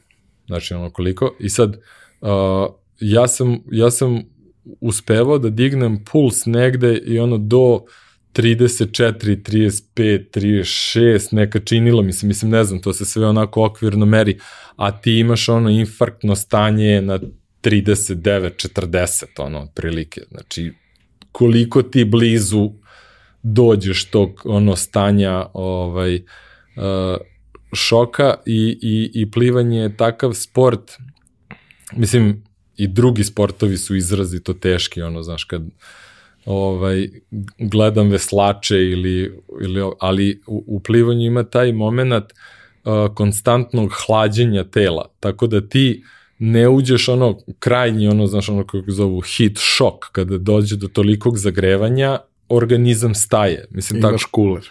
Pa da, da, da, ali tako isto, mislim, kao to isto i u prirodi objašnjeno, znaš kako, kad oni afrikaneri love antilopu, on ne ide njom, pa kao gađa nešto srelom, nego i on juri. I on je juri dok ona, ona beži i ona kad uđe u stanje šoka, ona se ukoči. I onda on priđe samo kopljem i capne je. Ovaj, jer, jer ljudski organizam se na, na toj, ono, znaš, ima manju površinu zagrevanja i onda duže može da je, da je prati. Uh, E tako isto i ovde. E sad ovde se dešava i taj moment da se organizam konstantno hladi u vodi i onda taj prag bola se probija mnogo više. Uh, e sad, sve to pomešano sa ovim iskustvom na olimpijskim igrama, vrlo često dovodi, a to se i meni desilo, da sam u stvari najveći skok i najveći napredak doživeo u stvari nakon olimpijskih igara jer sam onda bukvalno uh, na 200 delfina ono rezultat povećao za skoro dve sekunde, što je stvarno ogroman ovaj napredak.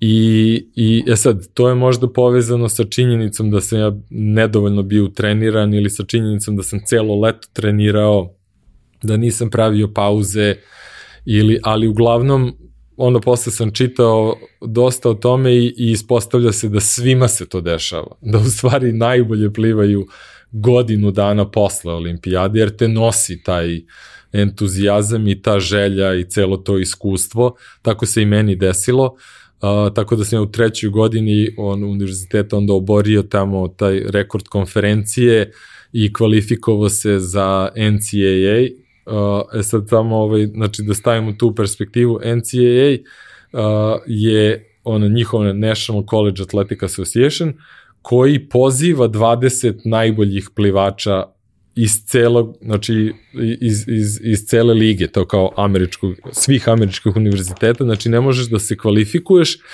jer oni nikad ne znaju ko će se pojaviti u toj generaciji, koliko će brzo plivati i da li olimpijski ciklus ili ovakav ili onakav, već oni gledaju 20 najboljih i onda pozivaju tu grupu. I uh, vrlo često kada ono uporediš uh, rezultate svetskog prvenstva u malim bazenima i NCAA ovaj, rezultate, uh, uglavnom NCAA je mnogo brže takmičenje nego svetsko prvenstvo, što je besmisleno, ali opet gledaš da su svi svetski plivači, ono, ta neka elita uglavnom na američkim univerzitetima, sve pa, jedno. Pa kao što obično budu i za američki trialse da. u atletici ili da, verovatno da. jamajčanske trialse u atletici u sprintu, mnogo je bolja konkurencija da. kad imaš osam jamajčana u, da, da. u osam traka. Kao ono što su pričali, je mnogo teže mnogo je lakše postati prvak na olimpijskim igrama nego ovaj prvak Rusije. pa da. Uh, e, tako da sam ja onda uleteo u taj, uh, u taj ciklus i kvalifikovao se, osvojio ta tri prva mesta i tada smo isto i sa univerzitetskom štafetom na US Openu, znači US Open je otvoren, svako može da se kvalifikuje i da dođe, nije zatvoreno samo za Amerikance. Ove, ovaj, kvalifikovali smo se i u štafeti smo opet bili četvrti. Ovaj, ali, mislim, ne kaže se, bili smo u finalu. Da, da. četvrti zvuči opet deprimirajuće, ali smo uspeli da, eto, da kao jedan od tih većih e, zvaničnih rezultata koji nije merljiv u sad nekim brzini, nego više onako po plasmanu, da na US Openu ovaj, budemo četvrti i uspeo sam onda opet te sledeće godine Nike organizuje svoj plivački kup koji se odigrava na UNC-u, na North Carolina univerzitetu, gde je Michael Jordan studirao, Uh, ovaj, i imaju onako neki zanimljiv kup koji se kao pravi u kvalifikacijama jedna ista trka se pliva više puta pa se ide na otpadanje. Čisto da bi napravili malo zanimljiviji efekt to je Nike mora da mora da pravi show od svega. uh, ali sam uspeo da osvojim i taj Nike kup u Americi, uh, što ovako opet zvuči jako lepo. Uh, i, i, i, I oborio sam taj rekord konferencije i znači stvarno sam onako izleteo te godine i, i jedino što sam u treningu tada dosta promenio i taj neki ono mindset, ono što sam video da ja kao uvek, uvek se kao ja bio spor, ono, znači uh, Uh, ja sam bio kao duža pruga, srednja duža pruga i kao uvek sam smatrao da nemam tu kao brzinu i da nemam tu eksplozivnost i, i dan danas je nemam, nisam taj tip. Ali onda kad sam video kako tamo treniraju i kako ovaj, ono, 200 uh, kraul plivaju kao sprint, uh, e, ja sam tu krenuo stvarno sebe, ono kao, čekaj, to je bukvalno samo ono mentalna promjena perspektive, kao ja sad moram početi trenirati kao sprinter, kao neću više treniram ovu kao srednju dugu prugu, ne treba mi ta izdržljivost i ta, jer ja sam onako bio specifičan tome što sam imao ono, koliko krenem prvih 100, tako isto vratim drugih 100, ono, strašno spor, ali sam konstantno se ubrzavao do kraja. E, onda tu sam krenuo da radim na snazi, na eksplozivnosti, ono, popravio drastično start i, i krenuo da plivam taj sprint i onda sam stvarno tu izleteo.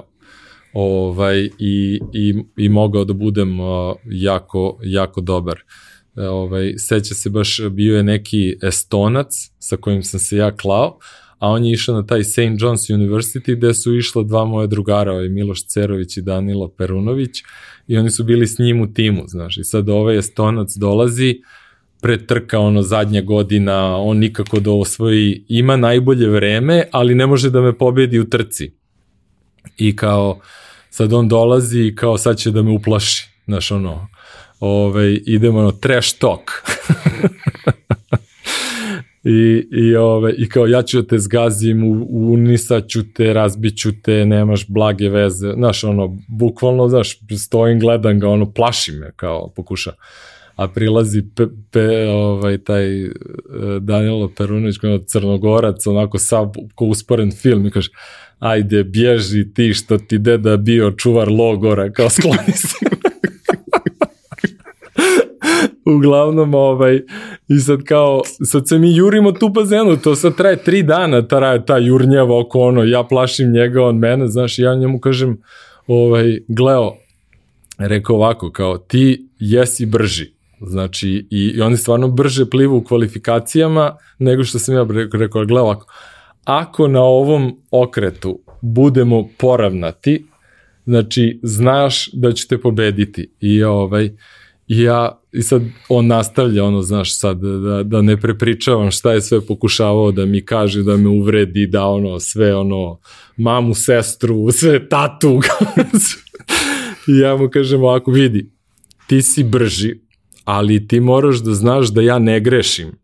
I on kao klima glavom, da, znači, znači je rekao, ja, ti ćeš, ti si stvarno brži, u kvalifikacijama si bili brži, ali ako budeš imao jedan loš okret, ja ću te pobediti.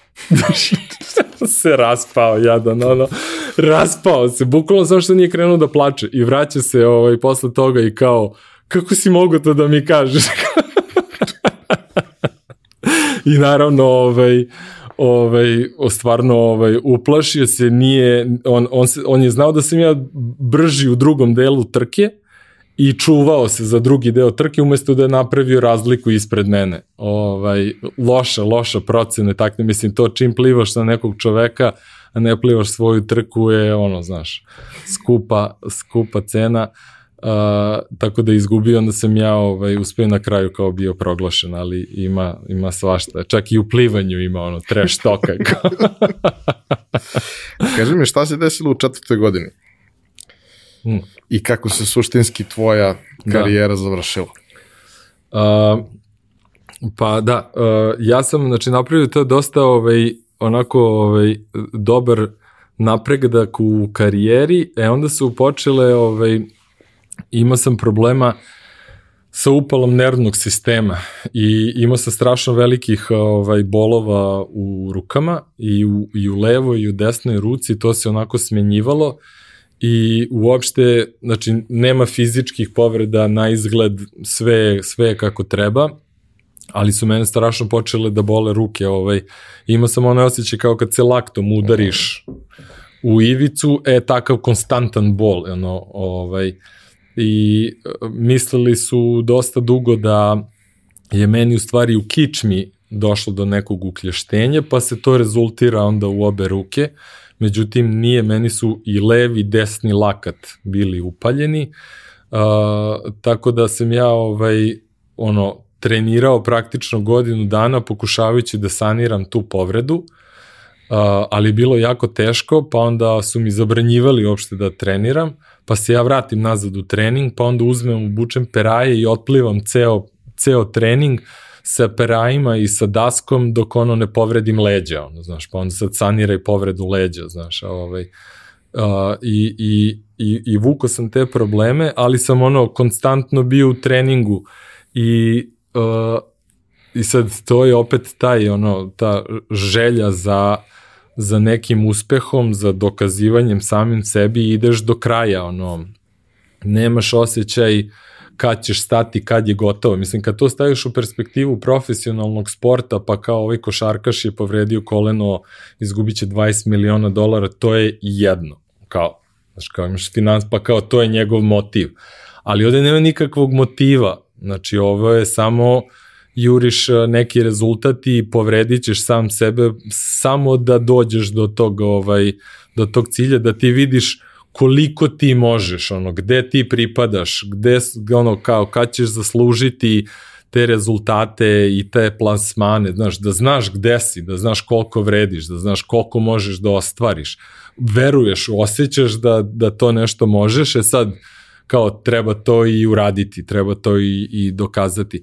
I plivanje je onako jako sistematičan sport, zato što uvek plivaš u istim okolnostima, u istoj sredini, nemaš utice vetra, tima, svega onoga što imaš u drugim sportovima, tako da je dosta onako i analitičan sport da mi možemo da određene setove ponavljamo pa da tačno vidimo kako ide taj progres, ono kako, ovaj, kako napredujemo.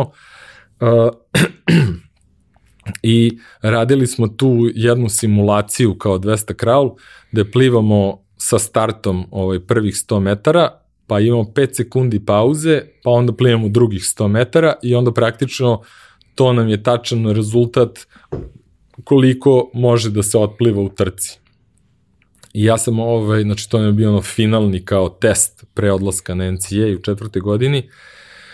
I ja sam ono razvalio ovaj, uh, uh, tu trku, taj, taj simulator, ono, sećam se, trener je vrištao, bacio štopericu u vodu, ono, samo što nije skočio, ceo tim navija, ono, opšti, opšti haos.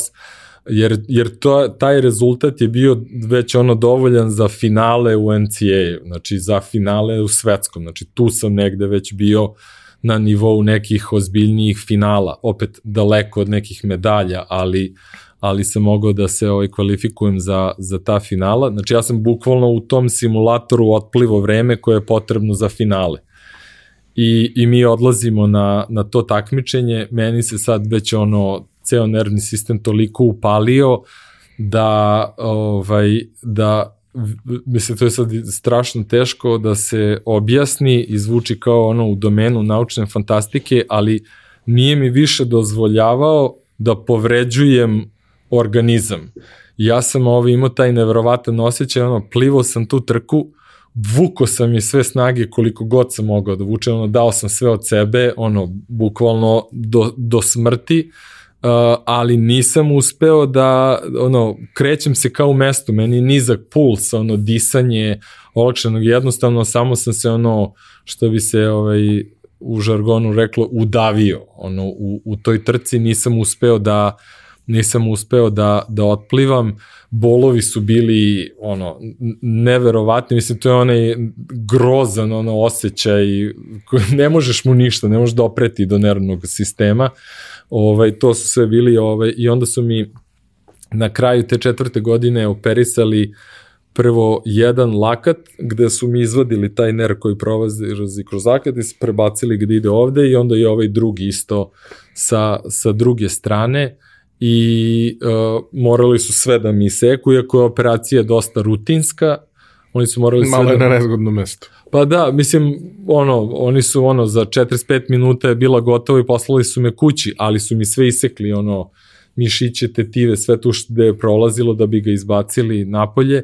Tako da ja kad ono posle te operacije nisam mogu da podignem olovku. Ono trebalo bi je šest nedelja da mogu ono da držim čašu, a imao sam dve operacije jednu za drugom, tako da je ono oporavak bio ovaj strašno bolan i, i, i ovako nezgodan, ono, znaš, oporavak je trajao dosta dugo, tako da onda nakon toga uh, Ja sam a, već tada završio fakultet, a, tada se desila sad ono, u onom domenu, sad ono počinje biznis deo priče, desio se ovaj 11. septembar, uh, napad na Ameriku, ovaj ono počinje ono kako se naravno i pre toga je i ceo onaj dot-com bubble eksplodirao, ovaj nije bilo nikakvih ono radnih mesta znaš, za zapošljavanje kao u IT struci i ja sam se prijavio, uh, ono, krenuo da se spremam da upišem uh, magistraturu, znači tamo ono po onom njihovom, kao naš ono stari sistem, četiri godine plus dve magistratura plus dve doktorat, uh, nema ovog, kako se zove, po Bolonji, ovaj mm, mastera master, od da. godinu dana, i znači oni to zovu ono kao graduate school, ja sam se spremao i uspeo sam da, da, da, se, da se upišem. Hteo sam da ostanem na istom univerzitetu jer je bio jako dobar. Osnovne studije su mi bile u domenu kao to information technology, koji je bio jedan široki aspekt svih ovaj, grana IT-a, ono od networkinga, baze, administracije, programiranja, sistemske analize, sve smo to pokrivali, a onda sam hteo da upišem magistraturu samo vezano za IT project management. I, i uspeo sam da da ovaj da budem primljen, da položim te ispite, GRE se zove taj test koji se koji se polaže i onda na kraju da dobijem assistantship, a takođe sa druge strane da dobijem i da postanem kao taj graduate assistant coach. Ovaj tako da sam onda uspeo da pokrijem i ovaj akademsko ovaj, da dobijem tu stipendiju, a da imam i za život ovaj, kroz, kroz rad. Tako da sam, onda kao plan je bio da ja nastavim da studiram, da radim kao trener uh, i, i da plivam.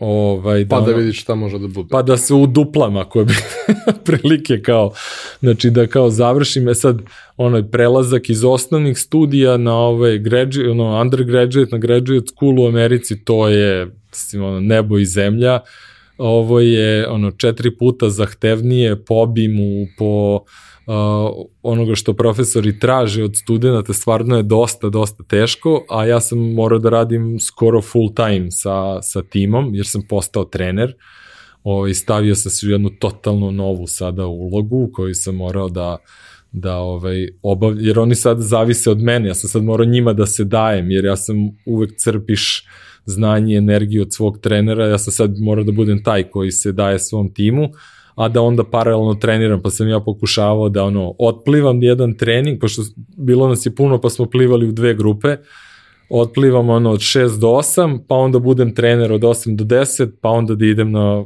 pa onda opet drugi trening i tako, ovaj, međutim, oporavak je dosta sporo trajao, ulazak u trening je dosta sporo trajao, univerzitet je postao, zahtevi su bili neverovatno ovaj, e, veliki i teški, da sam se ja u jednom trenutku kao onako samo istopio, da nisam više ni znao trenutak kada sam prestao da plivam, da ono samo jednog dana sam se kao okrenuo i kao pa ja nisam bio na treningu dve nedelje, kao kad ću se vratiti, pa kao evo sad samo još ovaj semestar, samo malo da se oporavim i to se ovaj nikako nije desilo, a ta maničnost uh, i posvećenost prema sportu se samo prelila u posao i u studiranje, jer opet uh, nismo puno pričali o, o tome, ali uh, ti si tamo okružen takvim profesorima i takvim idejama i takvim istraživačkim centrima da te to bukvalno obuzme. Ti bi mogo,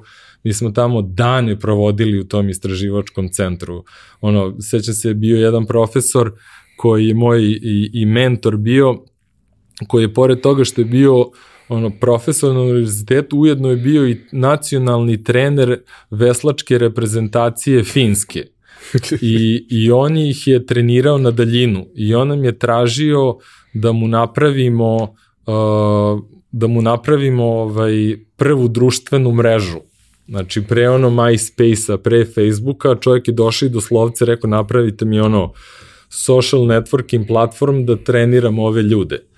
Ovaj, tako da, mislim, i to je isto zanimljivo, ono kao, znaš, ta revolucija u, u, u social networkingu, pa nisu je oni izmislili, neko je mnogo tamo pre toga eksperimentisao, da bi onda Mark Zuckerberg u pravom trenutku kao mogao da izleti. Mislim, ja smo radili takvu vrstu platforme četiri godine pre nego što se Facebook ovaj, pojavio. I sad naravno ono rad, rad, rad učiš, eh, stvaraš nešto, stvaraš sa tim profesorima, okružen si non stop sa ljudima koji imaju ono puno ideja, a dešava se neka vrsta revolucije gde preispituješ svaki ono aspekt našeg života kao znaš ja se sećam to kad je bilo ono kao šta ćemo s muzikom kao šta, kako, će ići digitalizacija muzike? Pa kao ljudi će kupovati online biće streaming kao i onda ovaj jedan tim kao pa ajde da rešavamo kao streaming ajde da eksperimentišemo na tu stranu ovi drugi kao pa kako će izgledati licencni modeli pa kako će ono znaš ovaj u ono vreme snap snap kako se zva ovaj uh, Uh, nije Snap, nije Snapchat, nego je Napster. Napster, da, da, da. Ovaj, Napster, ovaj. I, i, i svega Bože, toga. smo stari. A pritom, da, da, da. A pritom, znaš, i ono kao, sad ono, znaš, a pritom mi do fakulteta izvučena te jedan linija do svake sobe, znaš, ono, ne postoji u Americi, ne postoji u svetu, ali tebi ono, internet leti, ono, ja se sećam, ono, kao, morao sam da imam ozbiljan razgovor sa samim sobom da prestanem da downloadujem muziku. Ja nisam mogao da se obuzdam, ono, sve što je bilo da se downloaduje, ja sam ono downloadovao, kao, znaš, ono, ja kao, se sećam kao to isto beskonačni neko vreme. pristup muzici, kao moja, kao kolekcija, pa to je ono, znaš, kao, Pazi, to neko vreme kreću da uvode kablovski internet po Novom Beogradu. I do tog trenutka, ok, svi smo imali flat Da. internet dial-up, ali i dalje ne možeš 24 sata biti Da, na da. telefonu, jednostavno ne možeš. Da. Mi smo uveli bili i drugu liniju kući, ali i dalje ne možeš. da. Ali dolazi flat. I dolazi 64K, znači to i dalje ne radi. Da. Ali imaš flat 64K, ali na lokalnoj, Da. na lokalnoj mreži imaš 128. Tako da su neki digli ono DC++ hubove i Da. Skidaš, šeruješ ovaj, peering i sve to. I brate, u jednom trenutku ja gledam grafikon i naravno prvih tri meseca Da. ja skidam otprilike 85% teorijskog maksimuma koji može da se skine. I onda naravno tri meseca pa kreće da pada, pa Da, na da, kraju da. padne na, na 5%. Da, da, da. Jer si skinuo sve što si želeo da skineš, ikad. Da. Znači nema više, ne- skineš po neki film, možda neki Da. novi album, ali više nemaš potrebe za tim stvarima. Da. Ali prvih nekoliko meseci sve ono što sam želeo. da, kao i, kao i BG Wireless ekipa Da. ovde u Beogradu. Mislim, meni to onako fascinantno koliko se malo priča o tome, a koliko je to bilo ovaj, apsolutno neverovatno da je se ceo Beograd umrežio posle i linka Novom Sadu imao jednu privatnu mrežu samo da bi mogli da imaju da, da igraju igrice i downloaduju filmove i a, veruj mi dan danas u poslu BG Wireless ekipa se prepoznaje po raznim firmama i kao i svi se oslovljavaju sa ono Nikovima nadimcima. sa, da. da, to je bilo neko jako živopisno vreme. Da. Dobro.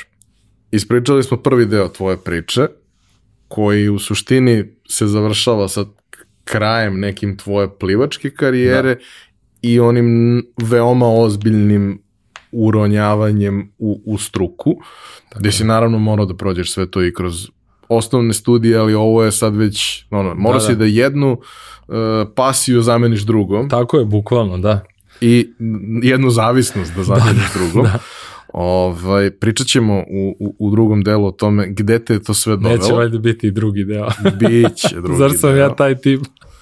Ovaj, gde te je to sve dovelo, s kim si sve Da. radio, kako si došao do onoga što je danas 30 Hills.